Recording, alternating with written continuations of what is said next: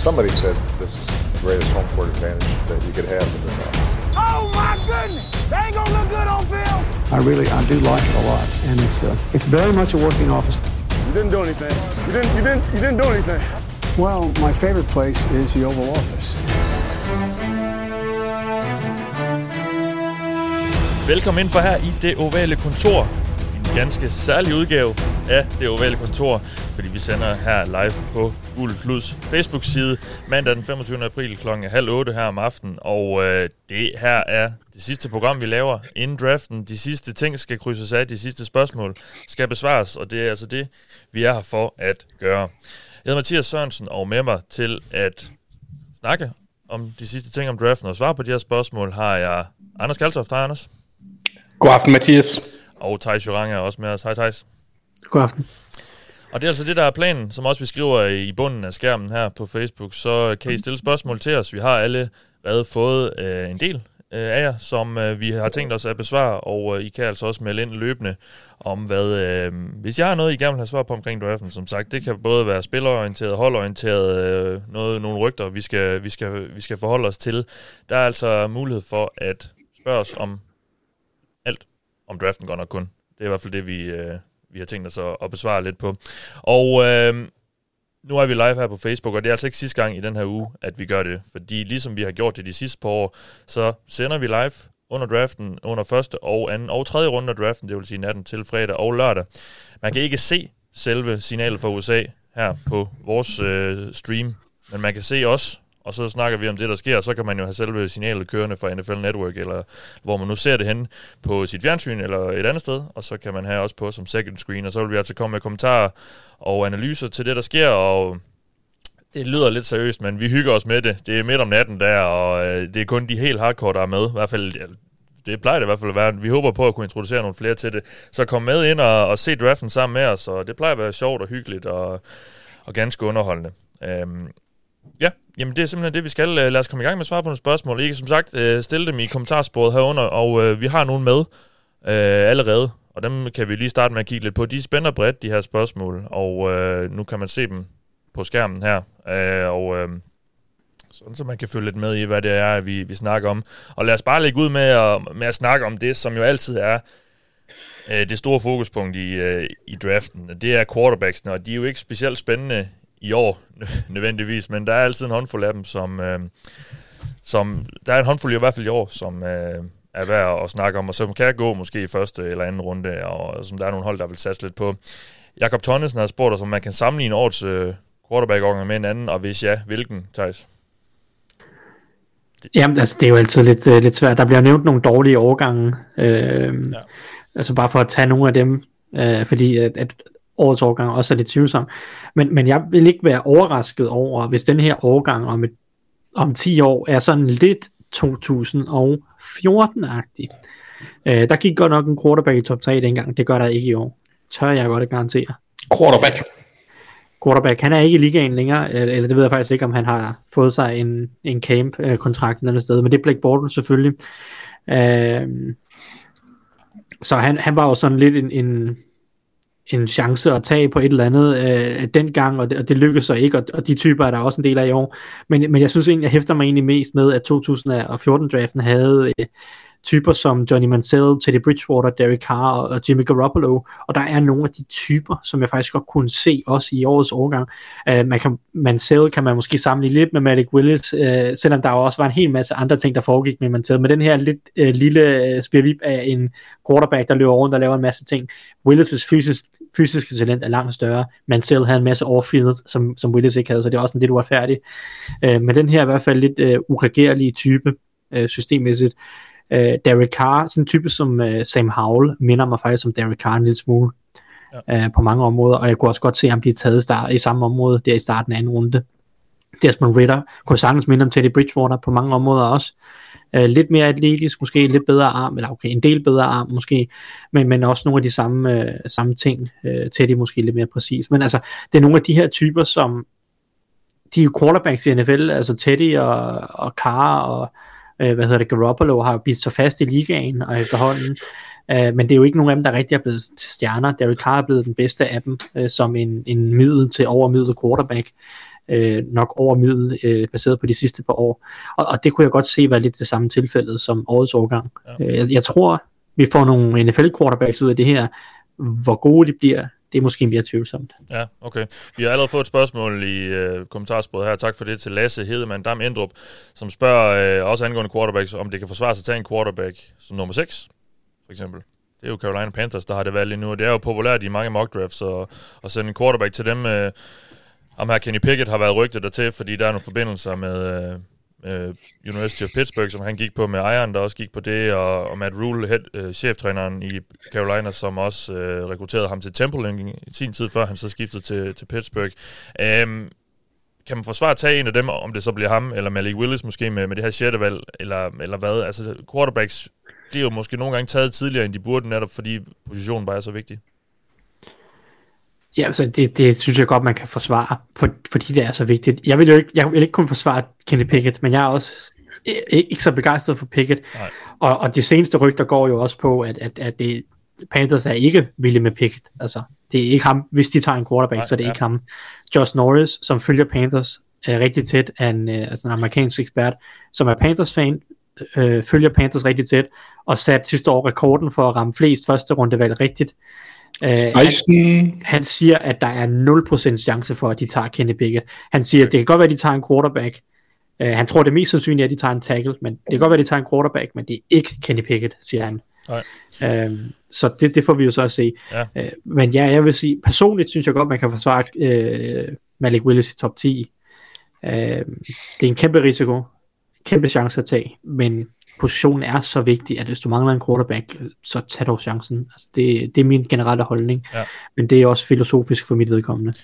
Og som man også kan se i spørgsmålet, øh, et af spørgsmålene på skærmen, øh, Nikolaj Lisevski spørger om, hvilken QB vi tror, der bliver draftet først af Pickett og Willis, og hvad de væsentlige for, forskelle er, i deres spil er, som, øh, som skiller dem ud fra, fra den anden. Anders, øhm, hvem, hvem tror vi lige nu bliver taget først? Nu, nu som, som Thijs siger, så er der i hvert fald en med ret meget kendskab til, eller som plejer i hvert fald at være god til at gætte på, hvem der mm. er taget, som ikke tror, Pickett ryger til, til Carolina. Og jeg synes også, jeg begynder at fornemme lidt, lidt mere boss omkring Malik Willis. Øh, måske allerede ved det her anden valg til, til Detroit. Det ved jeg ikke helt, om jeg tror på. Øh, men tror du, det bliver Pickett eller Willis?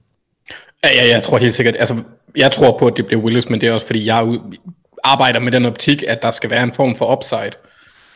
Øh, den her, hvis jeg skal have en quarterback i top 10, så skal han gerne have en eller anden form for superkraft et eller andet sted. Og det synes jeg ikke Kenny Pickett har. Det synes jeg til gengæld Malik Willis har. Om han så øh, konverterer det til at få det til at fungere i NFL er så en anden sag, men jeg tror, det er ham, der har høj sandsynlighed for det.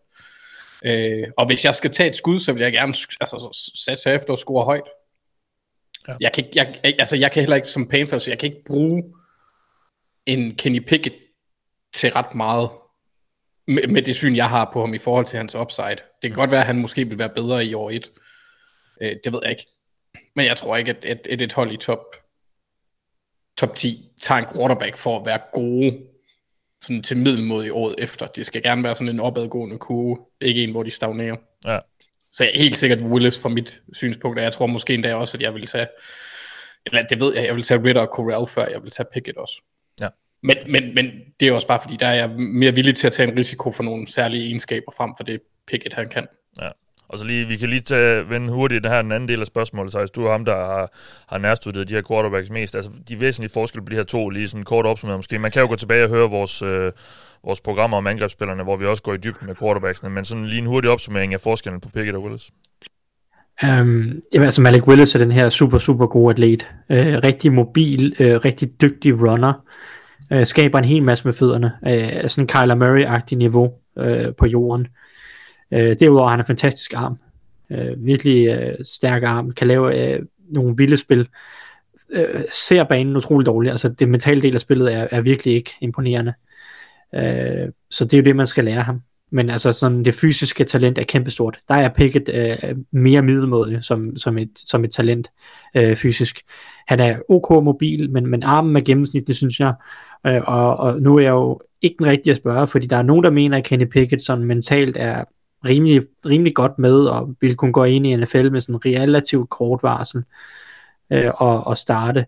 Øh, det tror jeg ikke. Jeg synes stadig, at han har rigtig lang vej igen mentalt. Men, men altså, det er sådan lidt, det er den diskussion om en lidt mere poleret, teknisk, øh, mental quarterback versus et, et stort fysisk talent. Det er lidt den diskussion, vi har mellem Willis og Ja. Pickett. Ja, lad os runde et spørgsmål mere her, øh, fokuseret på quarterback-klassen. Uh, øh, Morten Sørensen spørger, hvor stort potentialet er hos quarterback-klassen i forhold til Baker, Mayfield og, og Jimmy G. Ja, det er jo de her to quarterbacks, som uh, veteran-quarterbacks, allerede er i ligaen, som, som jo er på, uh, på trade-blokken. Altså, det er nogen, der nok skal væk fra deres hold. Baker skal jeg helt sikker, fordi de, uh, han er ikke tilfreds med, med ledelsen i Browns, og Jimmy G øh, er jo også på vej ud, fordi øh, 49ers skal til at omstille sig til Trey Lance. Øh, potentialet i, i, quarterback, i quarterback-klassen her, Anders, hvad er din sådan, sådan vurdering, og generelt også med Baker og, og Jimmy G her, hvad tror vi, tror vi, der sker noget med dem øh, under draften, eller er det en situation, hvor holdene måske vil vente og se, til om de kan få noget i draften, før de gør noget med de to?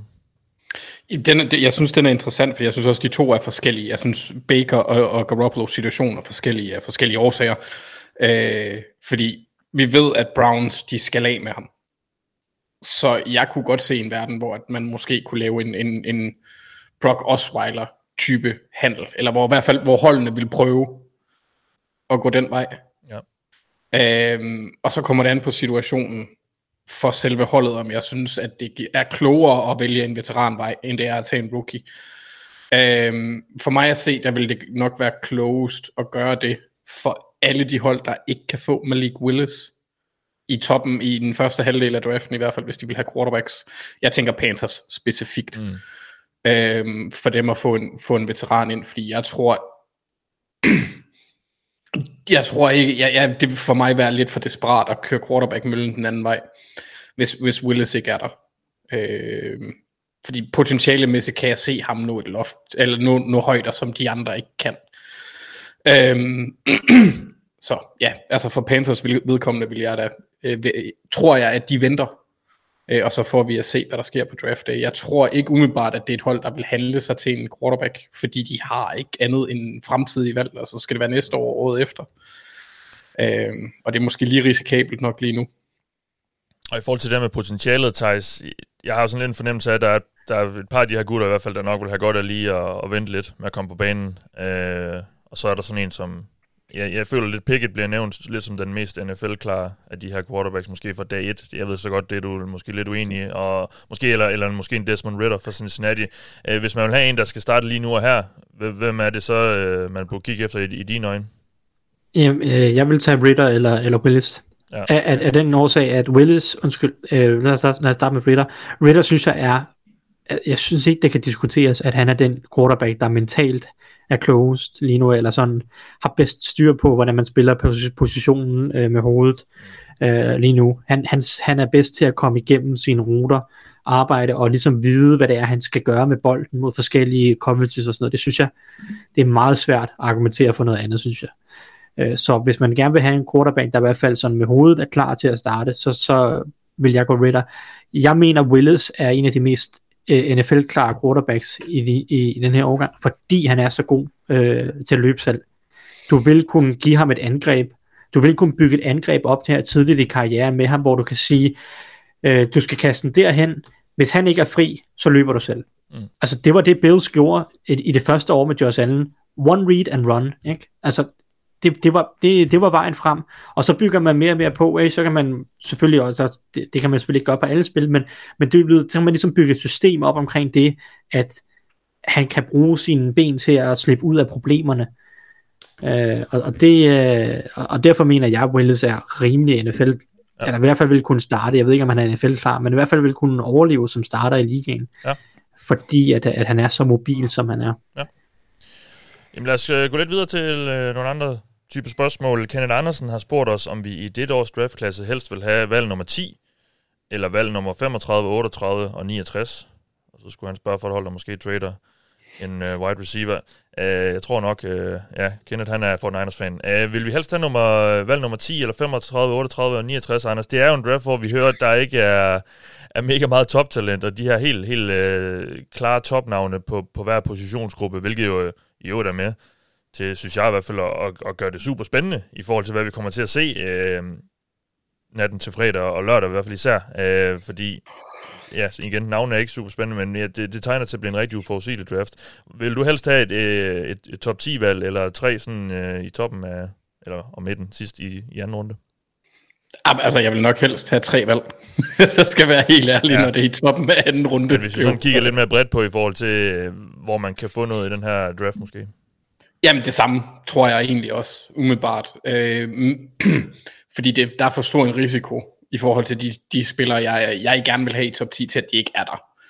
Øh, så tror jeg, jeg kan samle mere, få, få flere kompetente spillere, og med udgangspunkt i 49ers spillere, der kan bidrage med det samme.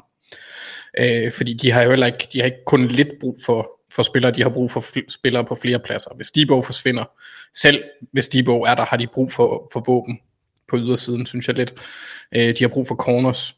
Det vil jeg kunne få nogle af de har nok også brug for edges. Jeg vil kunne få lidt af det hele i, i, i det lav med de tre valg, så jeg vil helt sikkert have Ja, helt sikkert, men ja. mest have de tre valg. Fordi det giver mig bedre, altså det giver mig større muligheder for at manøvrere. Ja. Og Anders Øge Kirdan øh, har spurgt os også her, Thijs, om vi tror, post-corona kommer til, om vi tror, at vi post-corona kommer til at se en mærkbar effekt på denne og de næste par draft-årgange eksempel mindre college-spilletid, og der er ikke verdensklasse topniveau. Øhm, ja, altså fordi det har også været noget, der har været lidt snak om, at grund til, at den her draft måske er så lige, eller måske lidt mere jævn, end det vi har set de sidste par år, er, at, at der er nogle spillere, vi ikke har set spille så meget. Måske der er nogle spillere, der har holdt pauser. Det, ved også, det så vi også sidste år, der var en Jamar Chase, der ikke har spillet hele, hele 2020-sæsonen for LSU der. Øhm, kommer vi se, vil vi se noget af det her i, efter corona? Og har du, når du har siddet og scoutet den her overgang, tænkt over, at, at der var nogle huller hister her, fordi på grund af corona? Mm, nej, ikke som, ikke som sådan. Altså, jeg tror, at det mest mærkbare med den her overgang relateret til corona, det er, at det er en utrolig stor overgang. Der er ja. rigtig, rigtig, rigtig mange spillere med den her draft. Fordi at uh, college indførte den der regel med, at seniors kunne tage et år mere.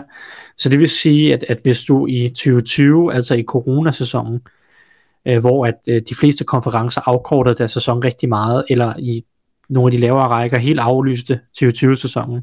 Hvis du var i gang med dit sidste år i college på det tidspunkt, så kunne du få lov til at tage et ekstra år med.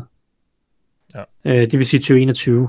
Og, og så, så vi, vi har en hel del af de her 6. års seniorer, kalder man. Normalt er der egentlig som udgangspunkt kun fem sæsoner til en spiller i college. Men der er mange af de her 6. års seniorer. Vi, vi kan tage en spiller som Zion Johnson, som nogen forventer at gå i første runde, en guard ud af, ja. ud af Boston College. Ja. Han er et eksempel på en spiller, der tog et år mere i college, fordi han fik muligheden for det. Øh, og dem er der en hel del af. Det betyder, at der er rigtig mange spillere lige pludselig, fordi vi har flere årgange ligesom potentielt presset ind i den her årgang. Øh, så det, har, det synes jeg betyder, at der er, meget, der er mange spillere nede i altså midtrunderne og i de sene runder af draften på mange positioner. Det er en ret dyb draft på nogle positioner. Ja. Øhm, det er det mest mærkbare, tror jeg. Jeg tror, det er et tilfælde, at overgangen ikke er så topstærk, som den er i år. Fordi altså, de mest talentfulde unge spillere, øh, de, de, går i, altså, de går i draften efter tre år, fordi det er det, reglen siger, at de skal være tre år ud af high school, så må de gå i draften. Det gør de også, hvis, hvis altså, uanset om der har været corona eller ej, tror jeg. Ja, okay. Godt, vi tager et spørgsmål mere, og, og de, nu, for nu er skyddet i sådan lidt i forskellige retninger. Martin Torp Villemos har, jo, har et her, der, øh, der lyder, om vi har mest, hvem vi har mest fedus til af New York-holdene i den kommende sæson. De har 40% af top 10-valgene i draften, og der skal vel snart et New York-hold tilbage i playoff. Ja, Anders, jeg, jeg synes faktisk, det var, øh, det var et spørgsmål, der fik mig til at tænke lidt. Hvem vil jeg helst... Øh, hvem tror jeg mest på i år? Det, det ved jeg ved næsten ikke. Jeg tror måske stadig... Jeg tror måske, jeg vil sige Giants. Jeg ved ikke med dig. Det er også der, jeg hælder til. Ja. Øh, fordi den, den person, der ligesom har forgiftet mit badevand, han er der ikke længere. Øh, så, så David Gettleman, han, han, han gør mig ikke så utryg, og jeg stoler... Jeg, jeg har stor tiltro til Joe Shane og, og øh, Brian Dable. Må jeg lige yeah. fordi de kommer fra en, øh, den New York-organisation, der så kan finde ud af at komme i playoffs over de sidste par år. Um, og der er vel også trods alt en, en quarterback, vi stoler lidt mere på lige nu. Selvom Lidt mere. Ja. Men altså, om end at jeg hellere ville have Zach Wilson, end jeg ville have Daniel Jones, hvis jeg selv skulle vælge. På den lange bane. Øh, lige præcis. Ja. Øhm, men jo, altså jeg, jeg kan også godt se dem få et, et relativt fornuftigt, hvis de kan få, få lov til, hvis Brian Dable han kan forløse noget som helst ud af det angreb, og de har en, en relativ øh, skadesfri Saquon. Så altså, de har jo nogle spillere, Så det, ja. det, der, der, men, der mangler Jets stadigvæk lidt profiler på angrebet Ja. Og man kan så sige, at Jets er måske... og Jeg, jeg forsvaret. kan stadigvæk ikke helt finde ud af, om Giants er i gang med sådan et, et rebuild, fordi jeg tror måske lige, de vil bruge her den her sæson på at finde ud af, hvad har de, og hvad, hvad kan Brian Dable gøre med, øh, med Daniel Jones og, og sådan noget, men ja, det, det er jo et hold, der også kan vi se med, med det draftkapital, de har her i år, øh, kan, kan starte lidt forfra, i hvert fald på, på nogle vigtige positioner. Øh, Christian Norbæk har spurgt os i kommentarfeltet, hvor glade øh, Giants skal være for, at David Gettleman ikke længere er, er GM. Thijs, altså, jeg synes jo, det er ret spændende at se. Altså, Giants er et af de hold, der er rigtig spændende at se i, i toppen af draften her. Ikke bare fordi de har de her, øh, øh, selvfølgelig fordi de har de her to topvalg, men også fordi, at at det er en ny general manager og et nyt regime, og jeg er spændt på at se, hvad de gør, hvilken retning øh, de vil gå i. Hvordan, øh, hvordan ser du på det? Det er jeg også spændt på, og ja, til for at svare på spørgsmålet, ja, det skal Giants være glade for, Ja, øh, i min optik. Øhm, det, det, Dave Gettman har bare utrolig dårlig forståelse for positional value og sådan en kontraktværdi i, i, i min optik. Det er ikke sådan, at han ikke kan drafte spillere overhovedet. Han har draftet mange fine spillere gennem sin tid som general manager. Øhm, han har bare ikke forståelse for at sammensætte øh, en trup med, med stærke spillere på de vigtigste steder, plus at holde styr på sådan cap, cap, øh, salary capet i, i forhold til de kontrakter, han giver. Så ja, det skal de være glade for. Jeg er også meget spændt på at se. Øh, jeg tror også, som, som Anders sagde, det bliver, eller hvad det der, der sagde det, det, at det bliver sådan lidt et uh, vurderingsår, hvor de lige ser truppen an, og øh, hvad hedder det, giver Brian Dable mulighed for ligesom at få fornemmelsen for det, og bygge noget op stille og roligt. Øh, så, så jeg tror også bare, at de kommer til at fokusere på nogle af de der øh, ja, altså vigt, vigtige, vigtige positioner, nogle af de vigtigste positioner på et hold her i, i den her draft, for at prøve at, at få noget soliditet ind på dem, og det er sådan noget som, som edge og offensive tackle og cornerback. Det, det er de tre positioner, jeg tror, der er i spil til de første to valg der i top 10. Ja. Vi går videre her med et spørgsmål fra Lasse Grenvald, og øh, det er sådan et lidt øh, off- offensiv linje øh, nørdet spørgsmål. om det. Han spørger, om det er nemmere for en guard at spille center end tackle. Og hvor stor forskellen er på at spille guard og tackle. Og så fortsætter han selv i mit hoved, at det mere lige med, øh, lige med hinanden end guard og center. Men jeg føler, der er en pæn skillelinje mellem positionerne på O-line. Ja, øh, Anders, det ligger jo... Altså, det er jo et skridt til venstre eller et skridt til højre for en guard, øh, om han skal spille center eller tackle. Øh, vi putter jo tit guards og center i samme gruppe. Øh, mm. og, er du sådan, øh, ja, hvad, hvad kan vi forklare det med? Det er jo fordi, at det er noget med bevægel, bevægelsesmønstrene er mere ens derinde. Ja, du har en på hver din, hver din side Ja. til, at, til at hjælpe dig. Det har du ikke som tackle, det har du kun indvendigt. Øh, du er alene på ydersiden. Øh, det er også derfor, de oftest bliver betalt så meget, og vi ser atleter komme derud, altså folk med bestemte, øh, hvad kan man sige, målbare enheder, armlængde, højde, vægt. Mm. Øh, der, der er typisk nogle standarder, øh, som, som de fører med, og hvis du ikke opfylder de standarder, så bliver du rykket ind på guard. nogle få undtagelser er for eksempel Isaiah Wynn hos Patriots, der er en meget lille tackle. Ja. Øhm, så, så det vil være umiddelbart være den største forskel, det der med, at man spiller alene uden hjælp øh, på den ene side som tackle. Og i forhold til og center, for mig er den centrale forskel, det er, hvis du har en center, der kan være med til at, at kalde spil, og læse modstanderens forsvar, Ja. og, og, og hjælpe quarterbacken på den måde. Hvis du har en rigtig dygtig center der, så kan de gøre en vanvittig stor forskel. Øh, se en spiller som Alex Mack, da han kom til, til Falcons, hvor ja, det hjalp selvfølgelig også, at vi havde en koordinator, der kunne, øh, han kunne, der kunne sætte dem i gang, men det hjalp dem også gevaldigt. Altså en god center kan gøre enormt meget. Thijs, når du sidder og scouter de her spillere, der, der er jo mange af de her tackles, for eksempel, som bliver nævnt. Jamen, han, han, han vil han vil nok blive rykket ind på guard i NFL. Øhm, hvor, hvordan får du øje på det, og hvordan, hvordan spotter man det? Og, og, fordi der er jo mange af de her tackles, der aldrig har spillet guard, for eksempel i college, og der, det er jo sådan en diskussion hvert år. Der er nogle af de her tackles, der, der bliver nævnt mere som, som guard, øh, øh, hvad skal man sige, emner i NFL. Jamen, typisk så handler det om de atletiske evner. Ja. Øh, deres evne, fordi som Anders siger, øh, de er ubeskyttet på ydersiden. De, de skal selv kunne lukke ydersiden af. Det vil sige, at når de pass protect, så skal de jo, de skal jo kunne nå at, at få en vis dybde øh, på deres pass set. Altså når de ligesom, når de træder tilbage i deres pass set, øh, i, i pass protection, så tager det jo typisk de der to, tre skridt baglæns, skråt tilbage eller baglæns, øh, før at de kommer i kontakt med en, en, en pass rusher de skal jo kunne, de skal jo kunne nå nok bagud, så at sige, til at de kan lukke ydersiden af, så, så rusheren ikke bare blæser rundt om hjørnet på dem. Mm.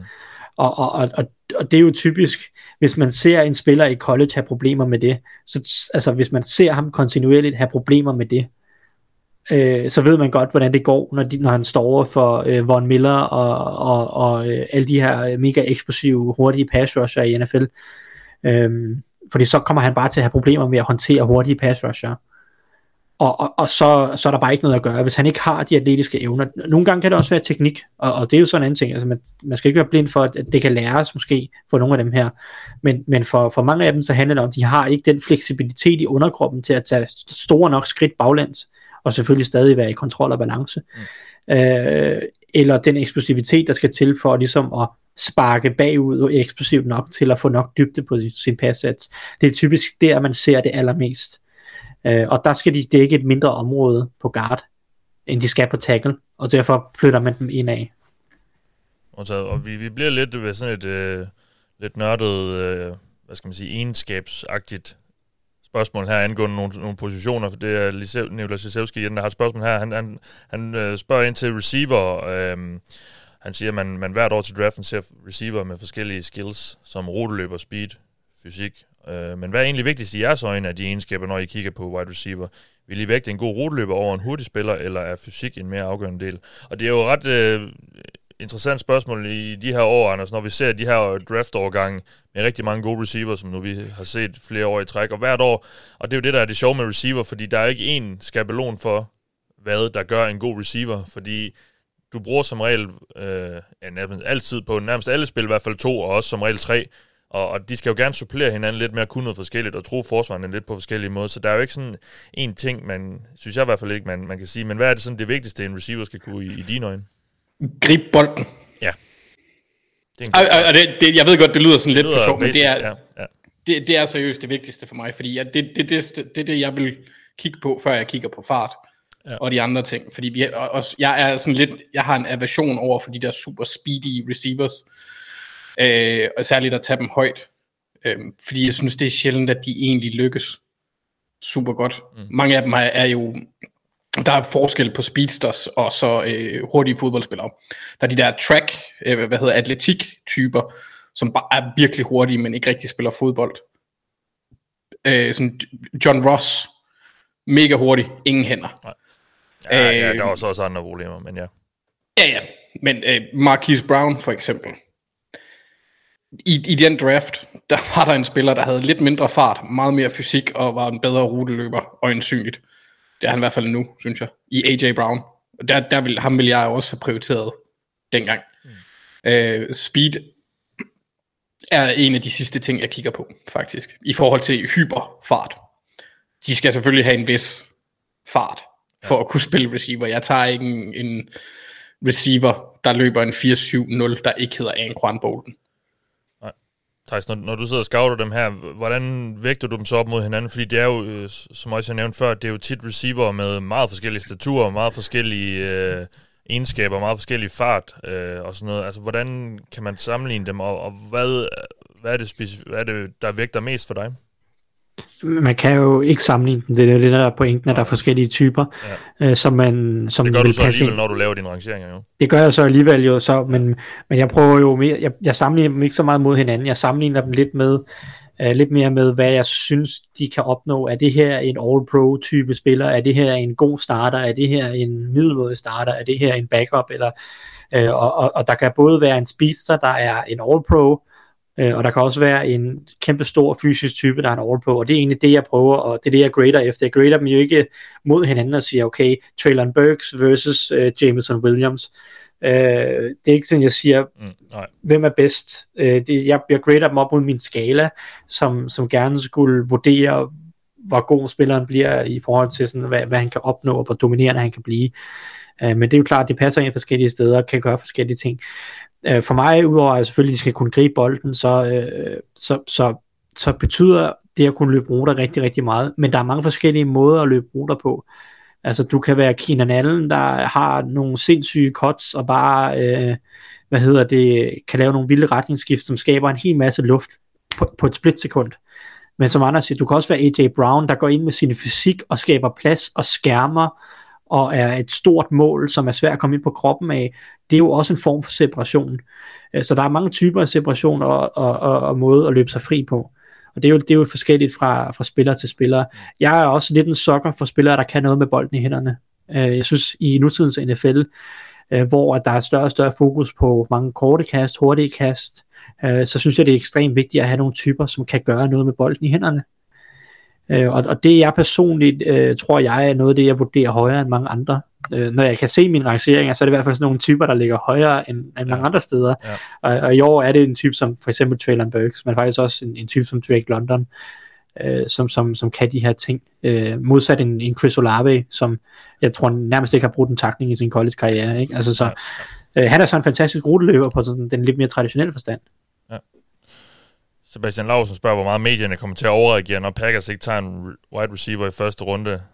Ja, altså, det er jo, nu har jeg sådan, øh, det begynder jo først, det begynder jo rigtigt her i den her uge, øh, sådan med rygterne, og, og der kommer lidt flere kort på bordet rundt omkring øh, øh NFL-journalisterne i USA's øh, kilder, og begynder virke i hvert fald som om at åbne lidt mere op og, og så videre. Hvad, øh, hvad tror vi med, for det første, hvad tror vi, tror vi Packers tager en receiver i første runde, og, og, og vil det være, vil, tror du medierne vil gå helt amok, hvis det så ikke sker?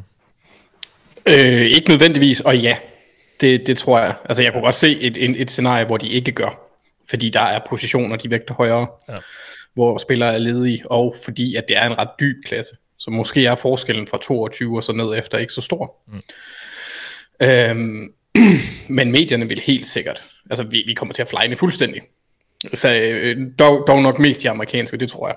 Ja. Uden tvivl. Ja. Den kommer til at gå i en måned, hvor de ikke snakker om andet.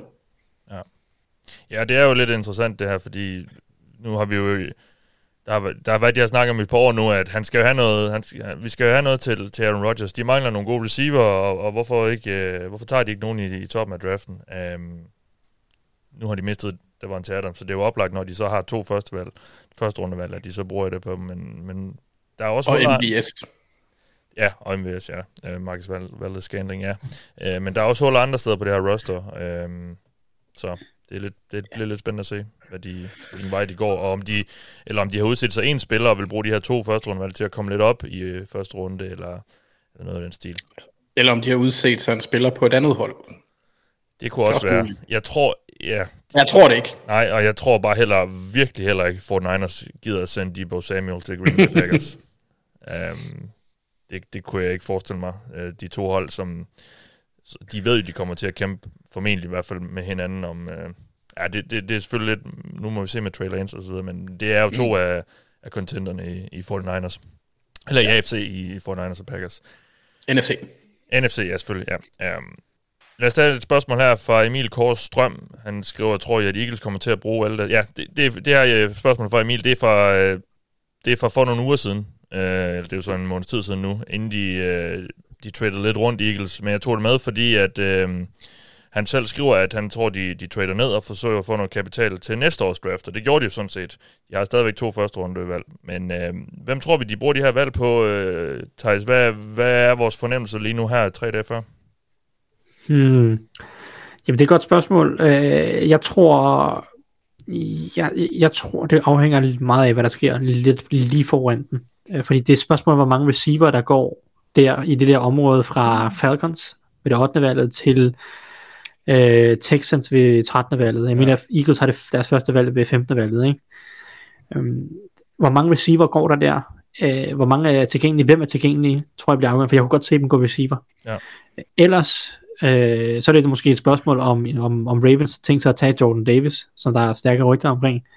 Fordi hvis han falder til Eagles, så tror jeg faktisk, de tager Jordan Davis som deres første.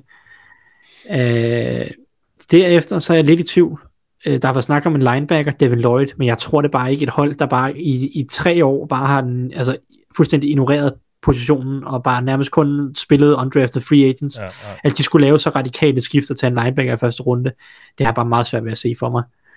Øhm, så jeg tror mere, at hvis de trader en lille smule tilbage, som, som der bliver nævnt også i scenariet, øh, så tror jeg en safety, Esben, Louis, Louis uh, Stein eller Daxton Hill, kunne jeg sagtens se uh, passe ind. Øhm, så det er lidt nogle af de veje, jeg kigger hos Eagles. Jeg vil tro, at, at wide receiver er et godt bud på det ene, og så ellers en, en, en pass rusher, edge. Øh, hvis der falder den rigtige type ned til dem, eller, eller de ikke lige har andet på deres board, så kunne jeg godt se dem tage en edge. Øh, hvem det så bliver, det, det må man så se, om det kunne være Jermaine Johnson, der falder til 15, eller om det kunne være George Kalaftis ved 15 eller, eller 18. Så, men altså, jeg tror, edge wide receiver øh, er det mest sandsynlige. Øh, lille øh, kick på defensive tackle, og hvis de trader tilbage, så en safety. Modtaget. Christoffer A. han spørger om Kadarius Tonys formodet trade, eller kan Kadarius Tony formodet trade for Giants til at kigge wide receiver med i sin topvalg, eventuelt med en lille trade back i først.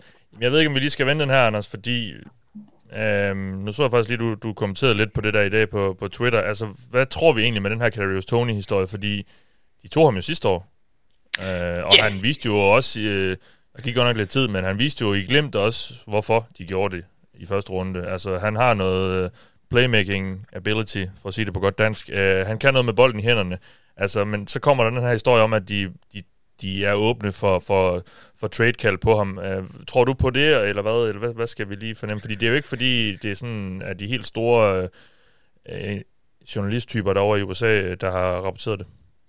Jamen altså, som jeg, som jeg har forstået det, så har der været en enkelt beatwriter, der har været ude og skrive det her, og så er andre medier sådan set bare samlet op. Altså en lokal journalist, der dækker Giants? Ja, en, ja det, jeg ved, ja. Ja, mere eller mindre lokal. I hvert fald en, der dækker Giants, ja. Lige præcis. Øhm, og, og for mig, selve, selve situationen omkring virker bare totalt åndssvag. Altså, det, det giver ingen mening. De, han har ingen værdi, hvis de prøver at, at sælge ham nu. Det, det tror jeg simpelthen ikke på. Et år efter, de har taget ham, og det er jo ikke, fordi han ikke viser noget den eneste situation, hvor jeg faktisk tror på, at der er noget omkring det, det er fordi, der er noget off-field, vi ikke har hørt om. Ja, okay. Øhm, og det, nu skal jeg ikke, øh, nu er jeg, er jeg tilbøjelig til at være sådan lidt fordomsfuld over for Florida spillere, øh, øh, fra, øh, ikke spillere fra Florida, men fra universitetet i ja, Florida. Ja. Øh, og der gik han jo. Og hvorfor er du det? Fordi de har en historik med rigtig mange tosser. Ja. Øh, det var så primært under, under Urban Meyer, så jeg skal selvfølgelig ja. lige... Og så har de også uh, Chauncey Gardner-Johnson. Skal vi også huske. Ja, og, og, og flere jo også. Ja, ja. ja.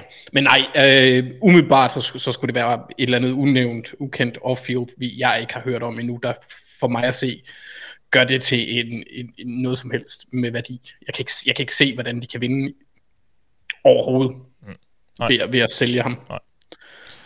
Øhm, så, så i hvert fald, men hvis de så gør, så, så, så ja. Øhm, ja, så er det jo ikke, øh, så, så er det jo ikke urealistisk, at det, der kunne blive en taget en receiver der, men de har jo, det er jo en ret højvalg. Øh, de har der det er 5 og 7. Ja, så. Og, og igen, der, der er nogle, jeg synes, der er nogle langt større huller øh, på de der, men okay, uden Tony, så er der selvfølgelig også et på receiver. Um, ja, yeah, alligevel ikke, fordi så har de Kenny Golladay, Sterling Shepard yeah. og Darius Slayton. Ja. Yeah. Altså, det er jo ikke... Nu, nu ved jeg, at nu du spillede ingen af dem her særlig godt sidste år, men det er jo habile spillere ja. trods alt. Og der er meget større behov andre mm-hmm. steder, vil jeg mene. Um, men ja, jeg, jeg er spændt på at se, hvad de gør, det, som jeg også nævnte tidligere med Giants der. Philip mhm. spørger, hvilket rygte om vores eget hold, vi har hørt eller læst, ville blive mest skuffet over, hvis det skulle ske. Thijs, der blev snakket meget, altså, det Silas bliver sat meget i forbindelse med en quarterback, og så er det så lidt om, hvem det så lige er. Jeg, jeg læste Peter King, ham her, den uh, veteranjournalisten i USA, i dag i hans mock draft, som jo er sådan en, hvad han tror, der sker mock draft der var det Kenny Pickett, og jeg tænkte, det var, jeg, tog, jeg vil ikke tagge dig øh, i noget post om det, fordi jeg, jeg vil ikke ødelægge din dag, men er det dit uh, Marit-scenarie for, for Steelers, eller hvad? Uh, det er i hvert fald, jeg, jeg tror, jeg har to scenarier, jeg vil blive forfærdeligt trist over, hvis det skete. Ja. Det ene var, hvis, hvis Kenny Pickett var, var valget. Det andet var, hvis de tog en safety, som ikke hedder Carl Hamilton. Uh, fordi der, der er måske et lille scenarie, hvor de kunne finde på at tage Louis Sein eller Dexter Hill, men så skal der godt nok også, tror jeg, altså det, det er ikke ret sandsynligt, lad os sige sådan. Men, men de har vist meget interesse i safeties, også de safeties, der er arrangeret højt i draften. Um, de har lige men det vil gøre mig trist. Uh, Edmonds i dag. Uh, ja, Terrell. ja. og, og det, det giver mig et lille håb om, at de uh, ikke, ikke kigger den vej. Så skulle det være, fordi Carl Hamilton falder helt ned til 20. valget, uh, og, og det, så, så vil jeg måske kunne leve med det, uh, hvis, hvis nu at, at Willis og Ritter og sådan nogle er væk. Men Pickett, som er nok det mest realistiske make, make ties sad uh, ja. scenarie, ja. Det, det, det, det må det være. Det vil, uh, ja, ja. det vil være lidt hårdt, når ham og Najee Harris to år i træk. Anders? Så kan det være, at jeg skal droppe det her draft noget. Ja, ja. Anders, øh, i forhold til, til Ravens? Devin Lloyd. Ja, Linebacker. Linebacker. Ja. Jeg har set flere begynde at, at snakke om linebacker til Ravens, hvilket jeg synes er fuldstændig hovedløst. Øhm, en, en, ideen, i, en del af begrundelsen skulle være at rykke Patrick Queen på, på, på Will. Nej, Sam linebacker, tror jeg. Will eller Sam linebacker. Han skal i hvert fald rykkes ud til den side, lidt mere ud til siden. Ja. Øh, fordi det gjorde, han spillede lidt bedre, når han havde, ikke havde Mike-rollen. ja men Det virker lidt dumt at bruge et første rundevalg til at redde et, et dårligt første rundevalg fra et par år siden. Ja. Ja. Det kan jeg ikke lide tanken om. Nej. Øh, så det vil irritere mig enormt meget, hvis vi tog en linebacker, der ikke har pass rush evner. Ja. En off-ball linebacker. Det har jo det har været lidt småt med rygter omkring i mine Bengals, øh, fordi de ligger så langt nede i runden, Blær. fordi de er jo Super Bowl. Um, og slog jeres hold to gange i sidste sæson. Um, jamen altså, lad mig nu bare. Det, det er kun fair. Ja, øhm, det, mit, mit sådan lidt skrækscenarie, det er, det er sådan noget Kaje Elam, cornerbacken, eller ja, Andrew Booth, eller sådan noget. Jeg, jeg, er- jeg er ikke helt tryg ved dem.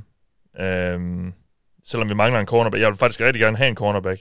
Bare ikke lige en af de to. Der er et eller andet, nogle, røde- der er lidt nogle røde flag der for mig, som jeg ikke rigtig er sikker på. Igen, det der, Elam, han er fra Florida, og der, ja, og det, det- det er jo sådan, man skal jo ikke kigge på, hvor de kommer fra, det, sådan nødvendigvis. Men nogle gange skal man også lidt. Og, sådan, og, og jeg synes bare heller ikke, jeg er sådan helt overbevist, når jeg læser om ham som spiller, hvad han har klaret på banen. Og, sådan. og det samme lidt med Booth, Andrew Booth Jr. fra Clemson, øh, cornerback også, som, som også kunne være et, et, bud der. Øhm, ja, så, så det tror jeg sådan lidt er mit... Men det er jeg, om, det, om det om det er sådan decideret skrækscenarie, ved jeg ikke helt faktisk. Men det, det håber jeg i hvert fald ikke sker. Altså, jeg har det lidt på samme med, med Kaia Elam, men det er mest fordi, han er familie med Matt Elam, Ja, som øh, du jo... som Ravens missede et, øh, øh, brugt et Ja. første runde pick på, og han var forfærdelig. Ja. Øh, men, men, det kan jo være. Det, det jeg gør, der gør mig lidt bange ved Kaia Kaia Elam, det er, at han er sådan lidt øh, grabby. Han får lidt mange Han får penalties. mange penalties, ja. ja. Gul klude. Masser af gule klude. Ja, det kan vi faktisk normalt godt lide jo, men øh, ikke, ikke lige inde på banen. Um, vi har fået en, en række spørgsmål fra Kenneth From Petersen, der, stikker, der, der handler om lidt af hvert. Han starter med at spørge, om de nye øh, receiverlønninger gør, at holdene i ofte grad vil reache efter en, en wide receiver for at få en billigere topspiller på positionen. Thijs, hvad tror du med det her? Fordi øh, vi har jo set det her wide receiver øh, lønmarked stikke helt af her i, i offseason. Um, vil der komme mere run på det, tror du, for, for de hold, der, der så ikke har smidt en masse penge efter receiver, eller og hvordan tror vi, holdenes ageren vil være i forhold til det her?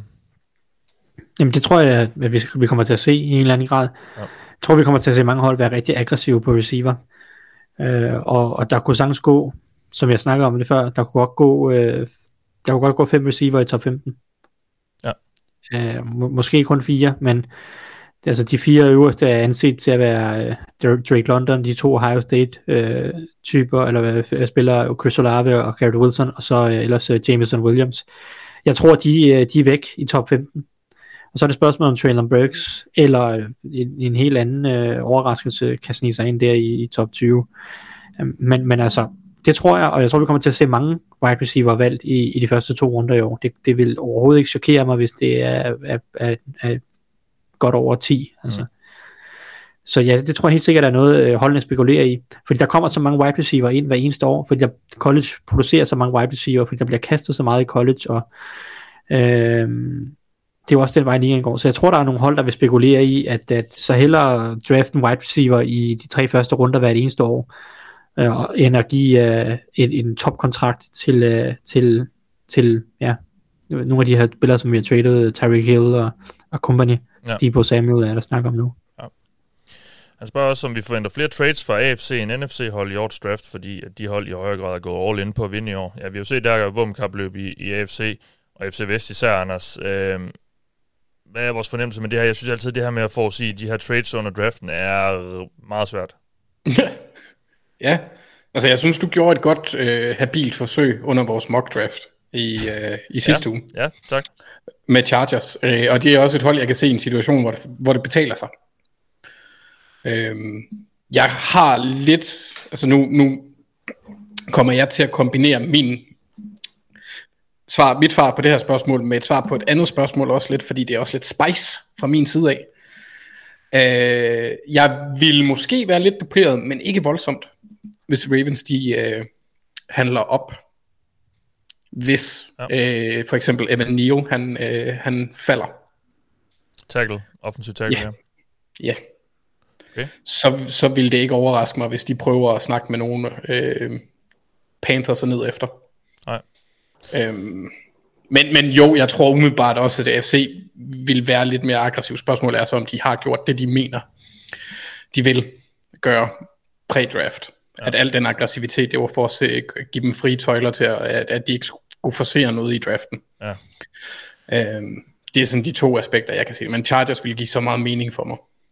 Ja, og jeg synes, jeg læser nogle steder, øh, at der, der er nogen, der forudser rigtig mange trades her, fordi igen, der på mange positioner ikke er nogen klare topnavn. Det er meget sådan øh, øjnene, der ser, altså hvad, hvad kan man godt lide i nogle forskellige spillertyper? Øh, hvad går man efter? Der er mange forskellige typer spillere, i, og på, også på tværs af, positionsgrupperne.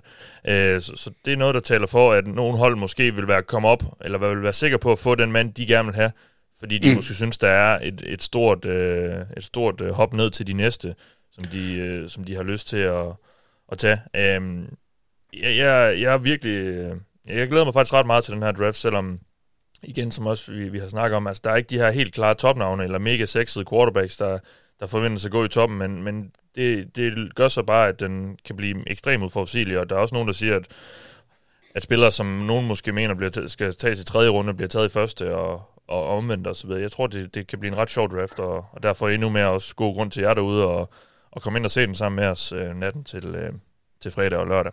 Um, nu, skal, nu skal jeg ikke ødelægge dit, din fremragende salgstale, men, men jeg så et tweet tidligere i dag om, at, øh, at der var rigtig mange, der rigtig gerne vil handle ned. Knap så mange, der ja, Sådan er det jo hvert år, er det ikke det? Jo jo, men jeg tror bare, at samtalen lige nu er, øh, er altså ikke, ikke, ikke den vi har her, men sådan i den jeg har set på, på draft Twitter, at der er så mange idéer om, hvem man kan handle op, og oh, de vil gerne have ham her, ja, og alt det der. Ja. Is på. Altså det er ja. måske en 2% af de trades, der bliver snakket om, der faktisk sker. Ja. Øh, men det spændende er jo, at de kan ske. Det er jo det. Derfor øh, bør man jo holde sig, vågen, holde sig vågen og se det, ja.